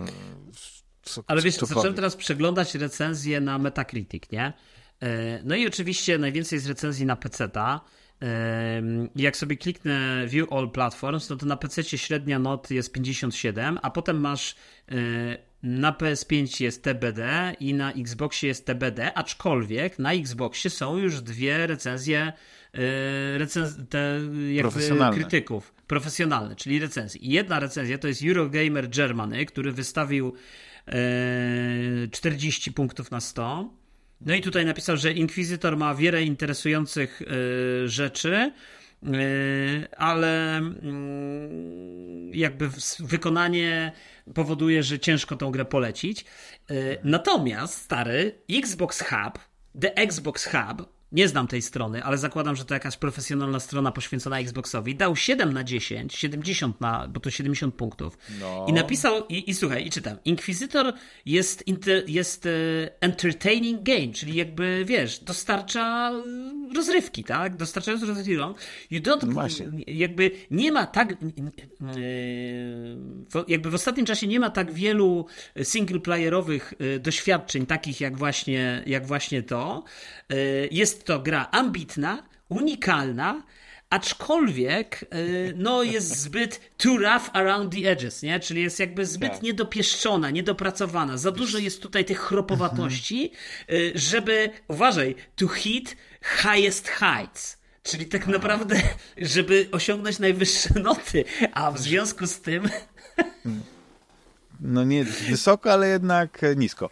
Ale, no, ale jednak wysoko, 7 na 10 to i tak jest znaczy, więcej ja, niż na, ja tutaj podejrzewam jakiś taki du duży entuzjazmu. Być może właśnie y, spodobały mu się temu autorowi, czy autorce tej recenzji, no, dialogi, historia tego świata. Ja widzę pewną przyszłość dla tej gry. I tak ta, y, ta przyszłość... No ale wiesz, to, znaczy... ale recenzje graczy są jeszcze lepsze. Na przykład jakiś gracz Flame88. Bardzo interesująca fabuła. Y, świetny, wspaniały świat oparty na y, polskiej książce fantazy, polskiej, polskiej książce fantazy. Great horror scene in dungeon. Czyli tam jest jakieś w ogóle, jakieś coś niesamowitego. Mhm. Znaczy, ja, ja powiem tylko tak Wiedźmin, jak wyszedł, ten pierwszy, pierwszy Wiedźmin, też nie był przyjęty jakoś super entuzjastycznie i też miał swoje problemy. ale po jakimś czasie wyszła wersja Enhanced Edition i ja myślę, że jak Inquisitor będzie miał swoją wersję Enhanced Edition, czyli troszeczkę pieniążków muszą zarobić, no coś, coś się musi sprzedać, ale niech twórcy nie nie martwią się tymi, tymi złymi opiniami, tylko niech tą krytykę przekują na konstruktywną, znaczy, że niech ta krytyka, która będzie konstruktywna, niech ona się prze, niech zostanie przekuta w, w, w jakiś kierunek. Crap of the Year poprawy. Edition powinno być. Tak, poprawy tych elementów, które no faktycznie trącą myszką i, i, i e, znaczy trącą myszką, to jest złe słowo, które niestety nie są do końca e, najlepsze. No nie? I to tyle. Jest no ja gra tutaj zakończę, bo, bo tak. I e, może się okazać, że w jakimś tam wyprzedaży za, za parę miesięcy będzie, nie wiem, na Gogu w jakiejś, jakiejś super obniżce i wtedy można sięgnąć, żeby się przekonać, e, czy a, ja bym, ja bym się zagrał, pojawiły. I... Znaczy ja, ja chętnie bym zagrał. Ja powiem ci szczerze, to, że to co widziałem... Do ja ciebie tak, ten koniec, temat e, ten temat cię zainteresował. Ale powiem ci tak, na koniec, na koniec powiem tak. Yy, koniec końców to demo zachęciło mnie do zagrania w pełną wersję gry, a to jest chyba najważniejsza y, rzecz związana z demem. No to jest chyba największy w sensie... plot twist od tego. W, w alternatywnym uniwersum, kiedy nagrywaliśmy ten sam numer odcinka, wydaje mi się, że poszedłbyś w innym kierunku, wiesz? I, i, ale Nie, to jest, wtedy chyba to mówiłem to samo. Tak? Aha, widzisz. Ale to jest właśnie to piękno tego. Myślę, że to będzie świetna gra. Na pewno jest jakiś uniwersum gdzieś we wszechświecie, bo mamy przecież, że y, wersja e, gry Inquisitor osiągnęła większy sukces niż gra Wiedźmin 3, Dziki Gon. I wszyscy mówią o Mordimerze, czy jak on się tam nazywa, a nie o Geralcie. I to serial Netflixa jest Inquisitor z Mortimerem, którego gra Harry Cavill, później zmieniony na, na jakiegoś Hemswortha. No i tak wiesz, się no, zgubiłem. No, ale nasi słuchacze na pewno nie. Z tej alternatywnej rzeczywistości na 100%. Ale z, z, z, z gier, które jednak e, mm, pograliśmy, skończyliśmy, znaczy albo ty skończyłeś i, i ja skończyłem inną grę, e, no to jesteśmy w klimacie Metroidvanii. E, I ja, to tylko też króciutko, jak wspomniałeś, że zamierzasz kupić, czy kupiłeś grę Ultros, o ile się dobrze, o ile dobrze pamiętam, to tak sobie myślałem, kurczę, zagrałbym, bo bardzo mi się podobało po zdjęciach, co widziałem. I przypomniałem sobie, że przecież w mojej bibliotece gier na Steam Decka mam e, grę i ona się nazywa, nie wiem, czy dobrze tytuł wymawiam, bo to pewnie jakiś akcent trzeba pożyć, e, Sonderlet. Sonder... Pisze się Sunderet. O, tak powiem. A, I to też jest Metroidvania, taka troszeczkę roguelike'owa, ale z, z elementami e, horroru też ręcznie rysowana. I, I przyznam, że jak zacząłem w nią grać, bo zagrałem, zacząłem grać przedwczoraj, tak, to jest gra, w której po prostu, nie, od której nie mogę się oderwać. No ale Ten, skończyłeś ją, czy...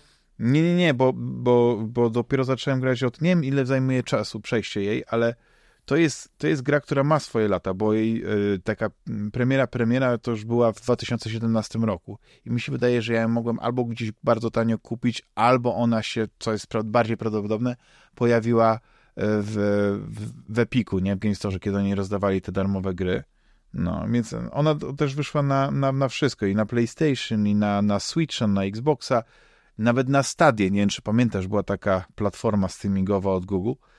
I to jest gra w, w najprostszej postaci, to taka Metroidvania rysowana, ale ma taki fajny klimat, że y, jak y, że jakby to powiedzieć, że ten gameplay loop, to już tak się ładnie mówi, no nie, że ta walka jest przyjemna, to eksplorowanie jest przyjemne, jest szybkie, dynamiczne, ta postać jest pięknie zanimowana i dodatkowo ona, tak jak powiedziałem, ona jest roguelike'owa, ale to polega na tym, że kiedy odkrywasz yy, całą tą mapę. Ona jest zrobiona też na takiej zasadzie, że tam jest kilka takich światów, który, które przychodzi. Że nie mówię o, o tych biomach, nie, czy jak one wyglądają, tylko bardziej o to, że e, masz jakby kierunki z tego takiego centralnego huba, z których wychodzisz i one, one się jakby nie, to chyba jak będę tłumaczył, to za bardzo będę to przekręcał, ale generalnie chodzi o to, że kiedy e, zginiesz, tak, to nie resetuje ci cały świat, że to nie jest takie losowo jak w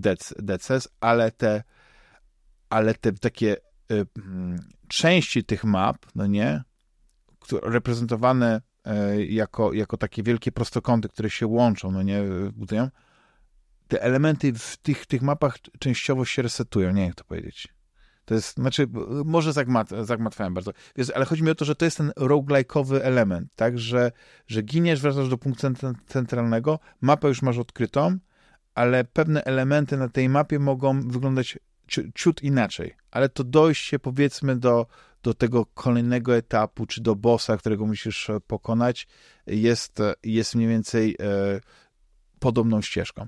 I do, jak to w, w, w, w, takich grach z elementami, nie powiedziałbym, że są slojkowymi, ale wiesz, zbierasz te punkty, które później w drzewku e, e, wydajesz na rozbudowanie swojej postaci, masz jakieś perki. No, ale te umiejętności później po tych lupach są, jakby przechodzą, czy... Tak, zostają, tak, wszystko. I nawet nie tracisz tych punktów, które zbierasz, czyli tych, tych, hmm. tych nie, to soulsów, że tak to nazwiesz. Nawet nie pamiętam, jak one się nazywały, te kryształki, czy jakieś takie te E, te, te punkty doświadczenia, je, e, ich nie tracisz, po prostu wracasz i możesz je po prostu wydać i znowu biegać. Nawet można powiedzieć, że możesz sobie takie farmowanie zastosować, tak? Bo są miejsca w tej grze, gdzie tych przeciwników jest chmara, a jak już masz taką rozbudowaną postać, no to, to idziesz i, i, i tniesz ich, no bo jakby to opisać, postać jest generalnie yy,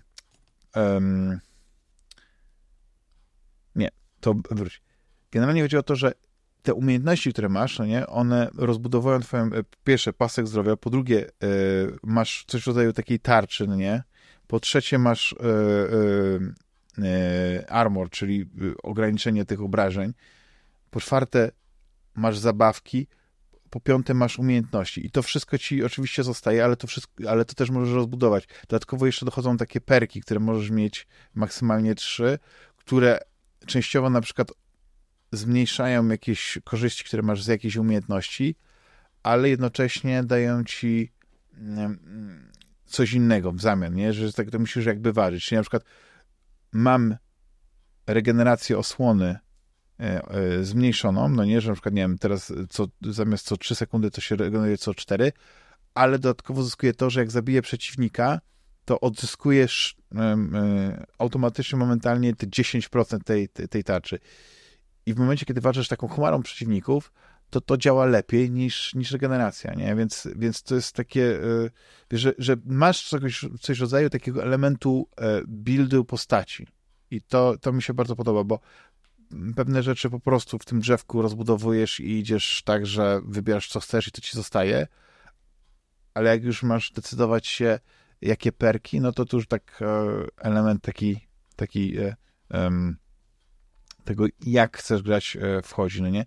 Ale jak w każdej Metroidvanii, naj, naj, najprzyjemniejsza jest ta eksploracja, to zdobywanie dodatkowych umiejętności, które pozwalają ci wrócić w miejsca, które wcześniej były niedostępne. Jak E, jak e, wiemy w Metroidvanii ważna jest mapa, nie? bo musimy się orientować, gdzie jesteśmy i tutaj mapa jest w, jakby w szybkim dostępie, nie jak to powiedzieć, pod, pod lewym triggerem. Po prostu wciskasz lewy trigger i od razu ci się podświetla mapa momentalnie jesteś w stanie szybciutko sobie podejrzeć. Wiesz, nie musisz się przełączać, tak jak to było w, Lasemusie, że jakby wchodzisz do, do osobnego menu i to trochę się e, zwalnia. Jakby uderza w w dynamikę, to nie. To wciskasz prawy, lewy trigger, cyk, mapa, wiesz, gdzie masz iść, co masz zrobić. E, na, na mapie masz zaznaczone te kluczowe miejsca, plus jeśli jest jakieś, jakieś miejsce, gdzie nie masz jeszcze umiejętności, która pozwoli ci się dostać e, albo przejść ten, ten fragment, no to masz to zaznaczone taką złotą kłódką, no nie? że to jest miejsce zablokowane przez brak umiejętności. No, więc jest mega przyjemna, przepięknie narysowana i te walki no nie, z bossami mogą być monumentalne, bo yy, o ile postać powiedzmy yy, zajmuje tyle ekranu, ile normalnie zajmuje w takich grach, to kiedy walczysz z jakimś bossem, to masz odjazd kamery i nagle jesteś takim małym robaczkiem, który gdzieś tam biega i, i, i walczy z nie wiem, Dawid z Goliatem, no nie, jakbyś, nie, z Godzillą jakąś, więc, więc ja bardzo polecam e, Sandret jako, jako e, taki indyk, o którym być może wiele osób zapomniało. Wersja chyba jakiś Eldritch Edition jest na Steamie, nie wiem, y, nie na Steamie, przepraszam, na, na e, Switchu, więc może coś tam e, fajnego, fajnego doszło i, i bardzo się zainteresować, ale y, no to jest gra taka perła z lamusa. Jeśli chodzi o Metroidvanię taką e, z nowych gier, a jesteśmy po prostu w jakimś takim ciągu Metroidvanii, niedawno skończyłeś Prince of Persia The Lost Crown, to rozumiem, że miałeś, że jesteś takim, takim trochę głodzie metroidvaniowym, takim, znaczy nie na głodzie, że taki apetyt zyskałeś, tak? Po Prince of Persia i zagrałeś tego Ultros. Znaczy, wiesz co, ja jakby nie... To nie jest kwestia apetytu e, metroidvaniowego, bo ja szczerze powiedziawszy nawet nie wiedziałem do końca, albo nie zdawałem sobie sprawy, że, to, że Ultros to jest metroidvania, albo przynajmniej to nie miało dla mnie żadnego znaczenia. Ja po prostu znowu przeglądając, wracając do początku naszej rozmowy, przeglądając sklep PlayStation Store, znalazłem e, tego Ultrosa i sobie tak zacząłem oglądać te screeny i sobie przypomniałem, że przecież to jest jedna z tych gier, z tych beznadziejnych gier od Sony, które y, oni pokazują na tych swoich state of play nic nie wartych, funta kłaków wartych, które przecież nic ciekawego nie mają do zaprezentowania. E, I, I sobie przypomniałem, że ja to właśnie kiedyś widziałem i to kompletnie mnie e, odrzuciło, a mówiąc e, inaczej, nawet mi się spodobało. Mhm. I stwierdziłem, że. I sobie przypomniałem po prostu tą grę, że i nawet przypomniałem sobie, że wydaje mi się, że z Rafałem o tym chyba żeśmy wymieniali swoje wrażenia, że, że to była jedna z tych gier, które na którymś State of Play gdzieś tam zwróciły naszą uwagę. No i tak sobie przypomniałem, e, wygooglałem szybciutko, e, ile zajmuje ukończenie tej gry, bo tak za bardzo nie chciałem się, wiesz, odciągać na jakąś taką dłuższą przygodę. Okazało się, że 8 godzin. No i tak, mogę powiedzieć, że faktycznie zajęło mi 13 godzin, powiedzmy, skończenie tej gry z jakimś tam ogonkiem. Yy, aczkolwiek grałem bez żadnych poradników. Zresztą nie wiem, czy w ogóle są jakieś poradniki dostępne do tej gry, tak szczerze, bo, bo to dopiero wyszło dosłownie na, na dniach, nie? Tak jak nagrywamy ten podcast, to to wyszło, nie wiem, 3 czy 4 dni temu. Yy, I, yy, I szczerze powiedziawszy, zdążyłem się zorientować, że to jest powiedzmy takie bardzo podstawowe zakończenie. Yy, tak naprawdę ta gra ma jeszcze jakieś ukryte zakończenie, ma jeszcze jakieś tam dodatkowe jakieś opcje i tak dalej. Yy, I to jest rzeczywiście Metroidvania połączona z takim roguelite'em w bardzo specyficznej oprawie graficznej, która mi się bardzo podoba i która od początku yy, jakby przykuła moją uwagę. Ta gra jest po prostu bardzo inna niż, niż wiele innych gier, w które grałem. I od razu też mogę powiedzieć, stary, że to, co już mam wrażenie, też kiedyś mówiłem, że no to jakby miał wybierać Prince of Persia czy, yy, czy Ultros, to zdecydowanie wybieram Ultrosa. To jest po prostu dużo ciekawsza gra pod bardzo, pod praktycznie każdym względem. Pod względem gameplayowym, yy, to jest oczywiście skrzyżowanie Metroidvanii i trochę roguelike'a, czyli mamy tutaj te cykle, yy, czyli jakby po wypełnieniu pewnych rzeczy w grze resetujemy się, wraca to wszystko do punktu wyjścia. Mamy drzewko umiejętności, które w toku rozgrywki e, jakby sobie rozwijamy, a rozwijamy je poprzez zjadanie swoich przeciwników. E, po, po ich pokonaniu zjadamy to, co z nich możemy zjadać to, co z nich zostaje, a to, co z nich zostaje, dostarcza nam różnych wartości odżywczych. Tam jest bodajże cztery kategorie e, właśnie tych wartości odżywczych i, i one wpływają na to, które ewentualnie skille możemy, musimy mieć odpowiednio, tam mamy taką tabelkę i oczywiście tam się pojawiały i tam musimy, nie wiem, na przykład, nie wiem, te wartości odżywcze powodują, że ten skill możemy odblokować. Do tego mamy jeszcze taką możliwość, e, bo oczywiście w, w, jakby po dopełnieniu cyklu, e, po zamknięciu cyklu wracamy do punktu wyjścia. Plansza się nie resetuje, jakby plansza jest cały czas taka sama i, i jakby wszystkie miejsca są takie same. Natomiast jakby nie mamy tych naszych skilli, musimy wszystko jakby zdobywać od nowa, przy czym gra daje nam taką możliwość zablokowania niektórych ze skilli. Możemy mamy takie przedmioty, które możemy znaleźć i które powodują, że jesteśmy w stanie sobie zablokować pewne umiejętności e, i one wtedy przechodzą z nami do, e, wiesz, do kolejnego jakby, do kolejnego cyklu. No i wiesz, to co, to co w Metroidvanii, no po, po prostu ta eksploracja, to szukanie alternatywnych dróg, rozwiązywanie tych zagadek takich środowiskowych, nie? Co trzeba mhm. zrobić, żeby się dostać gdzieś tam, albo przynajmniej kilka razy miałem w tej grze takie momenty, że no nie no, ale gdzie mam teraz iść? No wszystko już sprawdziłem, nie? Po czym przeglądam sobie tą planszę, przeglądam sobie mapę, przybliżam i nagle, o faktycznie, tu jest coś zaznaczone na różowo, czyli znaczy, że tam jest wejście, czyli mógłbym tam spróbować się dostać. Dobra, idziemy. Oczywiście czasem jest tak, że idziemy i się okazuje, że droga jest zamknięta, nie przejdę, a czasem jest tak, że faktycznie udało się i wiesz, i przechodzę dalej. Bardzo ciekawy setting, który się dzieje taki trochę psychodeliczny, trochę jakiś taki, wiesz, Lovecraftowski, ale myślę, że taki bardziej taka psychodelia, jakby ktoś się na Tak, tam jest taka strasznie jaskrawa e, kolorystyka, fluorescencyjna. Znaczy, ja, bym, ja bym nie powiedział, że ona jest strasznie jaskrawa, po prostu prześlicznie ta gra wygląda. Nie, znaczy, mnie... nie ale chodzi mi o to, że są takie fluorescencyjne zielenie, purpury, nie? Takie... Chyba nie. Chyba nie powiedziałbym, że one są fluorescencyjne. One są po prostu bardzo takie y, soczyste, bardzo takie jasne te kolory, ale czy fluorescencyjne chyba bym takiego słowa nie użył. Ale może to moje subiektywne odczucie. Nie wiem, może inaczej. Nie, tak myślę o tym mazaku takim, za, który za dzieciaka mieliśmy taki. No taki nie, nie, to ja nie, to ja się nie zgadzam. Nie, nie, ta gra nie jest fluorescencyjna moim zdaniem. Nie, nie. To są, to są bardzo. Y, bardzo jaskrawe, bardzo jasne kolory, ale fluorescencyjnymi bym ich na pewno nie nazwał. Tak przynajmniej jak patrzę, no, zdecydowanie jak grałem na, bo podłączyłem też do monitora matowego i podłączyłem do, wiesz, do, do telewizora, prześli, prześliczny jest ten kontrast, naprawdę prześliczny, ale znowu to jest kwestia też bardzo indywidualna. Ktoś w to zagra i, i powie, że nie, tak, że mu się to nie podoba. No i, i wiesz, no, y, gra nie jest trudna moim zdaniem. Jakby ona, ona nie stawia na to nie jest jakby, to nie jest gra, która ma być wyzwaniem, yy, znaczy myślę o walce, nie? Czy, czy walki z mhm. bossami. Nawet można odnieść wrażenie, że one są bardzo łatwe. Zdarzyło mi się zginąć tylko raz przez całą grę w walce z jednym bossem i to na samym początku, czyli w momencie, kiedy jeszcze powiedzmy dla mnie ten gameplay nie był taki do końca yy, rozpoznany. Yy, natomiast później to już jest w zasadzie, wiesz, to już tego tyle zbierasz tych różnych elementów i tych różnych tego jedzenia, bo tam, wiesz, gra też ma bardzo ciekawą mechanikę sadzenia różnych roślin yy, w tym dziwacznym świecie i te różne rośliny yy, spełniają różne funkcje. Niektóre rośliny są takie, że tworzą ci dodatkowe półki, po których możesz przechodzić, a niektóre tworzą ci jakieś, jakieś na przykład rzeczy, które pozornie coś blokują, ale na przykład dzięki temu, że one coś blokują, tam jest taki później motyw, że trzeba powiedzmy podłączać do sieci takiej neuralnej e, poszczególne lokacje.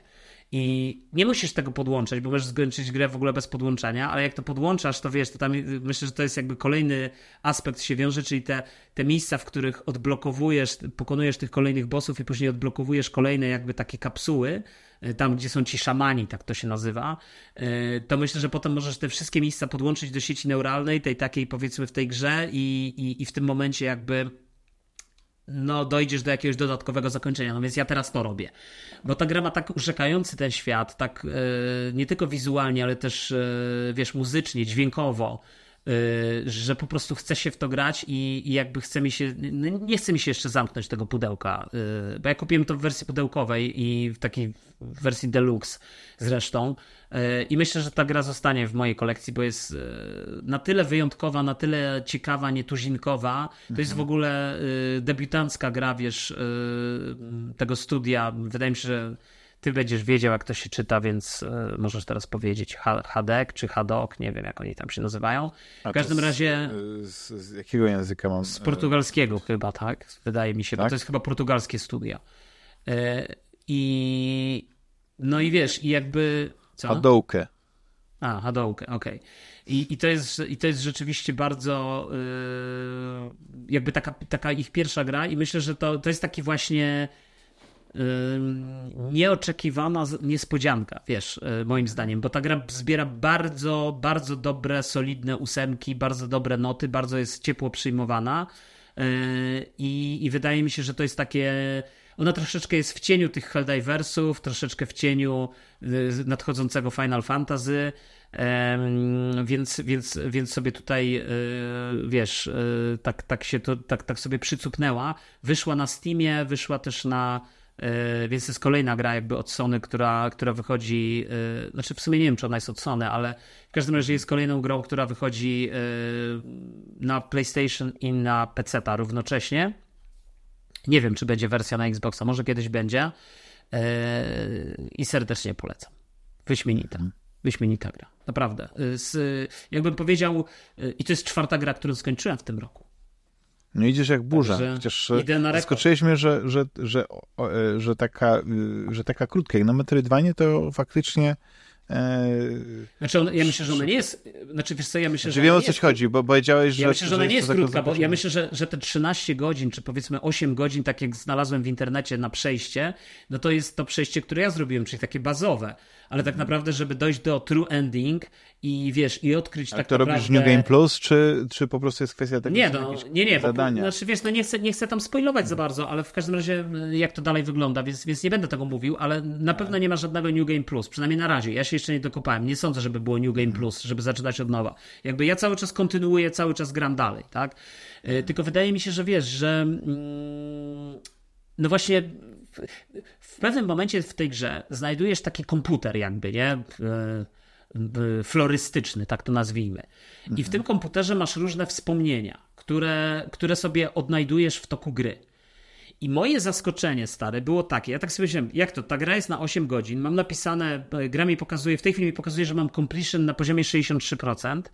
E, mimo, że dostałem achievement za ukończenie gry. E, I w tym momencie pojawia, jak wszedłem w ten komputer, to się okazało, że tam są trzy strony na każdej jest, nie wiem, nie pamiętam, po 20 albo 25 takich małych kafelków z tymi wspomnieniami. Ja z tych trzech czy czterech stron tych kafelków mam odblokowane raptem, nie wiem, może z 10 kafelków. Wiesz, jak ostatni raz tam byłem i patrzyłem. Czyli ja naprawdę y, wielu rzeczy w tej grze nie widziałem, a ja chcę zobaczyć, wiesz, ja chcę dalej, jakby, chcę dalej to związać, więc to jest pytanie, wiesz, y, jakby, inaczej, powiedziałbym tak, z jednej strony skończyłem grę, a z drugiej strony moim zdaniem nie skończyłem. I moim zdaniem, y, wiesz, y, myślę, że taki prawdziwy gameplay w tej grze to jest tak, żeby właśnie odkryć to prawdziwe zakończenie. To już nie, nawet nie mówię o tym, żeby odnaleźć wszystkie możliwe kombinacje rozwiązań i tak dalej. To myślę, że to jest spokojnie 20, 20 parę godzin. A mnie tak, tak ciekawi jest... jedna rzecz, bo no bo, bo, bo wiesz co jest, bo w Metroidvanii wiadomo, eksploracja jest ważna i tak dalej, ale... Tylko jeszcze jedną rzecz ci powiem, ty, ty, tylko zaraz, tak? zaraz dokończę. Tylko jeszcze jedną rzecz chciałem powiedzieć znowu w odniesieniu do Prince of Persia. Po, mniej więcej po, nie wiem, 15 godzinach Prince of Persia, nawet wcześniej, po, po 12 godzinach, po, po 10 godzinach Prince of Persia, ja już byłem znużony, stary. Mhm. Jakby ta o, gra właśnie, już dla mnie... Ja, ja, już się męczyłem, stary, grając. Ja, ja, oczywiście chciałem to skończyć, bo ambicjonalnie chciałem, nie chciałem, żebyś się ze mnie śmiał, że kolejna gra, której nie skończyłem, więc chciałem skończyć tą Prince of Persia i to finalnie tam, nie pamiętam czy 20 godzin, czy 18, czy 21, nie pamiętam ile tam miałem na tym liczniku, e, jak skończyłem.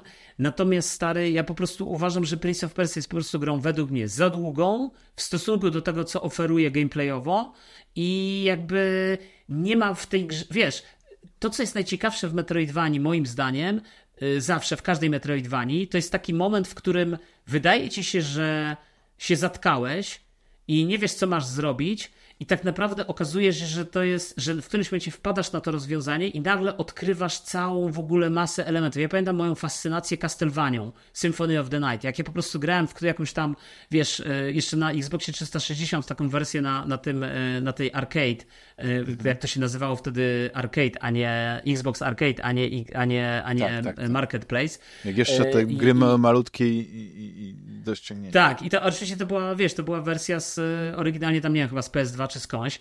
I pamiętam, że stary grałem w to i, i po prostu jakieś było moje takie zaskoczenie, że z jednej strony myślałem, a to taka platformówka, a później, wiesz, jak zacząłem czytać opisy, że tu trzeba zrobić to, tu trzeba zrobić tamto i się nagle w ogóle odkrywa jakby całe, jakieś w ogóle masę tych, wiesz, elementów, to po prostu byłem zafascynowany. I tak samo mam właśnie taki sam feeling mam grając w, w tego Ultrosa, Mhm. A szczerze, Prince of Persia? Naprawdę, Prince of Persia, no, ja wiem, że wszyscy się tam zachwycają i tak dalej, ale Prince of Persia dla mnie to jest taki, taki, taki suchar straszny. To jest taki, z jednej strony, okej, okay, no dobra, fajnie, Prince of Persia, Ubisoft, udało im się wreszcie zrobić jakąś grę, która może nie jest e, quadruple A, tak jak Skull and Bones, ale jest, e, wiesz, ale jest świetną grą mhm. i tak dalej, ale z drugiej strony, jak porównasz to do takiego Ultrosa, no to to jest taki sucharek, wiesz, taki bezpłciowy, bezwyrazowy, no. bez... E, no, ja wiem, że gameplayowo pewnie Prince of Persia jest trudniejsza, walki z bossami są trudniejsze, jest bardziej wymagająca i tak dalej, No ale nie ma tego uroku, nie ma tego czegoś, nie ma tego takiego, wiesz, yy, takiego, takiego dreszczyku emocji, takiego poczucia, że ty chcesz w to zagrać, takiego... Stary, ja naprawdę, ja, ja yy, kupiłem Ultrosa po to, żeby mieć taką odskocznię od Final Fantasy, żeby sobie grać po prostu, a w tej chwili gram tylko w Ultrosa. Więc to jest chyba najlepsza rekomendacja. No tak, tak, tak. Zresztą w ogóle ja sobie tak pomyślałem, że... Yy jest, jest coś takiego, że jak zaczynasz grać w Metroidvanie, to masz taki, taki hype, nie, bo wszystko ci się podoba, ale faktycznie jest taki moment, kiedy gdzieś się zatniesz i tak dalej, zaczyna ci wchodzić taka irytacja, ale jak, jak masz jakąś taką płynność w tym wszystkim, to masz mnóstwo satysfakcji z tym, e, z tym. Ale jest jedna rzecz, o której tak sobie pomyślałem, nie wiem, czy ja w tej mojej koślawej recenzji e, mhm. e, wspomniałem, że ta walka i ta jest tak satysfakcjonująca, na, tak samo jak satysfakcjonujące jest to odkrywanie tego świata i wiesz, tak jak powiedziałeś, eksploracja, yy, yy, walka z bossami, wiesz, to wszystko musi się ładnie zamiać, ale ja mam tutaj w tym Sandret po prostu taką przyjemność, że ja biorę tą konsolę i nawet jeśli wiesz, w kółko idę z tym, bo, bo, bo te walki są, nie wiem jak to powiedzieć, jak walczysz czy, czy w takim e, Blasfemusie, czy nawet chyba e, w Prince of Persia, czy w ogóle w takich e, w grach typu nawet Metroid Dread, czy coś takiego, to, to nie jest tak, że masz całe hordy przeciwników Metroidvania, które na ciebie atakują. Wiesz, nie ma mhm. czegoś takiego, że Oczywiście. atakuje cię nagle 50, no nie, no teraz przesadzam, no nie, ale powiedzmy nie będzie 20 latających stworzeń i ty nawet nie możesz ich dotknąć, bo od razu cię te... Tu w tej grze jest, e, w tym Sandry jest tak, że ta, ta walka jest satysfakcjonująca, bo masz taką niesamowitą e, moc, że po prostu gdzieś odbijasz się, przeskakujesz, kiedy walisz, e, kiedy machasz tym swoim mieczem, to, to czujesz, nie, że, że, że siekasz tych przeciwników i ty się możesz ich od nich odbijać, wiesz, wybijać. To jest, to jest tak satysfakcjonujące. Sama ta walka, że ja chcę jak, e, wiesz, walczyć z tymi przeciwnikami, bo to mi sprawia przyjemność. To jest taka, takie odmurzające wręcz.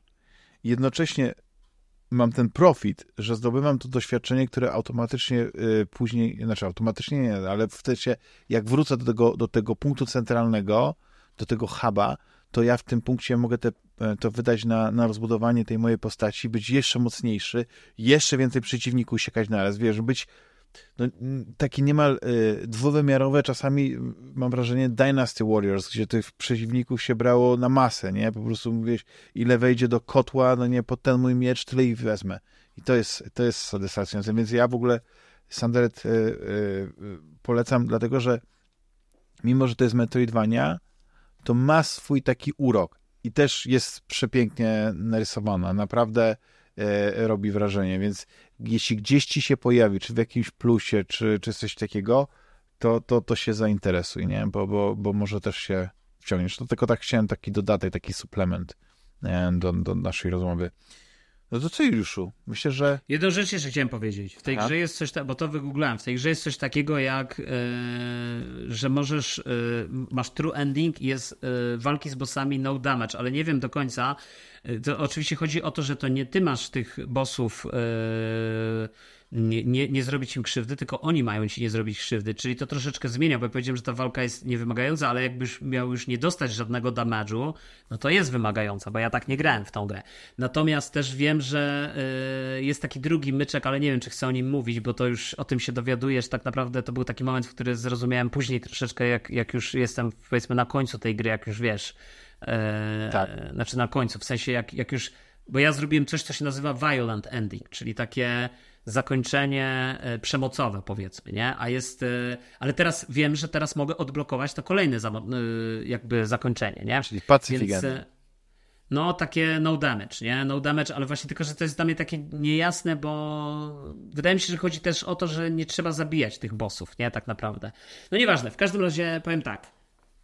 Bardzo, bardzo polecam i też właśnie tak jak powiedziałeś, w tych Metroidvaniach to nie chodzi, wiesz, ja też mam troszeczkę ostatnio skrzywione spojrzenie na te Metroidvanie, bo, bo tak jak powiedziałem, yy, Prince of Persia bardzo wydawał mi się podobny pod wieloma względami do Blasphemousa, to był taki troszeczkę Blasphemous Light, a Blasphemous jest z kolei Metroidvanią jak najbardziej, ale jednocześnie Metroidvanią, która bardzo mocno akcentuje walkę. I ta walka w Blasphemousie jest e, z jednej strony wymagająca, a z drugiej, przynajmniej dla mnie była, i, I, to też nie jest chyba tylko moje zdanie, a z drugiej strony jest to też gra y, nawiązująca gdzieś tam do Soulsów, nie? W, w tej takiej warstwie. W Blasphemousie to ja ci taki zdradzę jako taki, że to nie jest akurat y, zdrada tego, bo ty ją mm. prawie przeszedłeś, ale jeśli, jeśli poświęcisz tej grze dużo czasu i zdobywasz te wszystkie ulepszenia i tak dalej. No to nie, no to tak, to, no to ja to, to mam. To, to, na pewnym etapie nawet, ja, wiesz, ta walka takim, że tak zdradzę, z takim jakby wężem, po którym tam chodzisz i tak dalej, nie?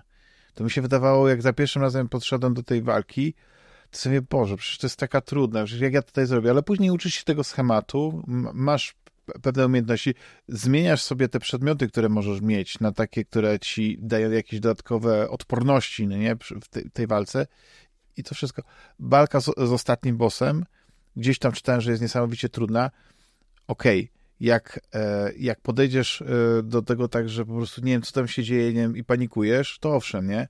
Jak być może sięgniesz po jakąś solucję, bo ktoś ci powie, co masz robić, jak wygląda ten sama też, ale ona jest bardzo prosta i się możesz bardzo szybko nauczyć, ale też zauważyłem, że jak już miałem tak rozbudowaną, mocną postać, to tam nie było z tym problemu, nie? Więc, więc e, z nim problemu z tym ostatnim. Znaczy wiesz, ja, ja spędziłem tam, nie z 18 godzin w tym Blasphemousie, więc, więc to też nie jest jakoś tak mało, tylko ja po prostu y, zacząłem grać w inne gry, tak? A z jednocześnie nie miałem tutaj jakiejś takiej finalnie motywacji. No mi zajęło myślę, ponad że... 30 z, z tego, Ja myślę, że wiesz, no jasne, ja myślę, mi tylko bardziej chodzi o to, że to nie jest tak, że ja w nią zagrałem dwie godziny i wyłączyłem, nie? Nie, nie, nie, nie. Tylko chodzi mi o to, że... jakiś tam commitment był z mojej strony, tak. natomiast ja bez wątpienia wrócę do tej gry stare w, w którymś momencie, także to, to, to na pewno. Y, tylko teraz, wiesz, tak sobie układam harmonogram grania, no to na pewno będę chciał skończyć finala i na pewno będę chciał w którymś momencie z, zacząć grać w Baldur's Gate trójkę o którym też wspomnieliśmy e, przez chwilę, więc jest ta moja mm, jakby kolekcja gier, e, czy, czy powiedzmy ten plan na. A, a równo, a zacząłem stare, jeszcze też nie powiedziałem, też nie chcę o tym mówić, mogę tylko zaanonsować, zacząłem grać Super Mario RPG, bo też wyczytałem, że jest krótkie, na 12 godzin, więc myślę, że to sobie szybciutko skończę i. Może to być taki rok, w którym już skończył najwięcej gier i ja myślę, że trzeba ci tutaj kibicować. No, ja też proponuję, żeby fani podrzucali. Tak, ja myślę, że bo na pewno jest e, ci znany tak, taki fenomen e, trophy hunterów, którzy, którzy robią wszystko, żeby mieć jak najwięcej tych platyn. No i są tacy trophy hunterzy. Rafał jest taki, że on po prostu robi to dla siebie i, i, w, i, i nie ma zdobywa te pucharki w grach. Ja ale zdobywa te pucharki. No tak, ale on zdobywa pucharki w grach, których, e, które, które mu się podobają, których chce a są tacy, którzy po prostu grają w absolutnie we wszystko i im większy no, szrot, jasne, im, im ale to wiesz, no to... wiesz, to zbuduj sobie taką listę z gier, które skończyłeś w tym roku, że na przykład masz tysiąc gier, już skończył tysiąc gier w tym roku. Znaczy powiem ci szczerze, że y, zobaczę stary, y, jak, jak wejdzie, ale wydaje mi się, że y, z tych gier, które w tej chwili zagrałem, to takim kandydatem do, do, do platyny jest bez wątpienia dla mnie ten Ultros. Powiem ci szczerze to myślę, że to jest gra, w którą chciałbym yy, yy, zgłębić, że tak powiem. Więc, więc myślę, że to jest gra, w którą, w którą jeszcze będę grał i zobaczę. Wiesz, stosunkowo prostym yy, calaczkiem yy, byłby dla mnie Hellblade, nie? No bo tam prawie wszystko odblokowałem, nie? Łącznie tam mi brakuje chyba tylko dwóch czy trzech wspomnień, żeby mieć wszystkie, więc teoretycznie mógłbym wrócić do, tam, do tych checkpointów i, i sobie je odblokować, nie? Um, a to można tak e, wrócić się, cofnąć? Nie wiem, to, to, to... nie wiem, bo nie sprawdzałem, ale wydaje mi się, że możesz, bo możesz, jak rozpoczynasz tam, jak się, z tego co pamiętam, jak widziałem w menu, no to chyba tam możesz wybrać, y, rozpocznij, y, nie musisz kontynuować gry, tylko możesz wybrać nowa gra i tam wybrać rozdział, od którego chcesz zacząć. Czyli teoretycznie, nie wiem, no powtarzając nawet cały rozdział, nie? Mógłbym, y, mógłbym ewentualnie... Znaczy, wiesz, no, Mieliśmy ogada, pogadać może... o Hellblade'zie i nigdy nie pogadamy, kurde. A dzisiaj już na pewno nie, ale... No nie, no dzisiaj nie, ale no, to, to pytanie naszych słuchaczy. Czy chcecie e, posłuchać o Hellblade'zie, Senua's Sacrifice? Może e, a kiedy, a kiedy będzie... Nie, no musimy. No musimy nagrać, kiedy musimy będzie nagrać, Hellblade zdaniem, musimy nagrać, nie wiem, w kwietniu, maju, musimy na, w maju chyba, musimy nagrać yy, bez wątpienia. Ja uważam, że w przypadku Hellblade'a, ja wiem, że ty się ze mną nie zgodzisz, bo ty pewnie nie masz nic do powiedzenia o tej grze, ale moim zdaniem musimy nagrać osobny, nawet godzinny czy półgodzinny odcinek, w którym pogadamy tylko o Hellblade'zie. To jest z perspektywy e, emocji, ja z, z, z perspektywy, nie wiem, wrażeń z grają. Mi się w ogóle Hellblade podoba, co mnie zaskoczyło, bo... Nie, ale to nie mów teraz, się... nie, bo ja jeszcze kończmy, wiem, stary, jest późno. Wiem, nie, ale nie sądziłem, że, że walka mi się spodoba w ogóle w Hellblade. No ale właśnie po co tego... o tym mówisz, żeby ludzie, żeby już spoilować. Dobra. Nie, no ja powiedziałeś, że nie będę miał nic do powiedzenia, a tutaj widzisz. Nie, ja się już mi zaklebnować usta. Bo chciałem ci właśnie zakneblować usta. Widzicie? Tak, ta, ta, cała prawda. Dziękuję Ci, Juliuszu, za... Dziękuję również. E, Dziękuję za ten miły, mi, miło spędzony czas. Miało być znowu tak. dwie godziny, a wyszło 42.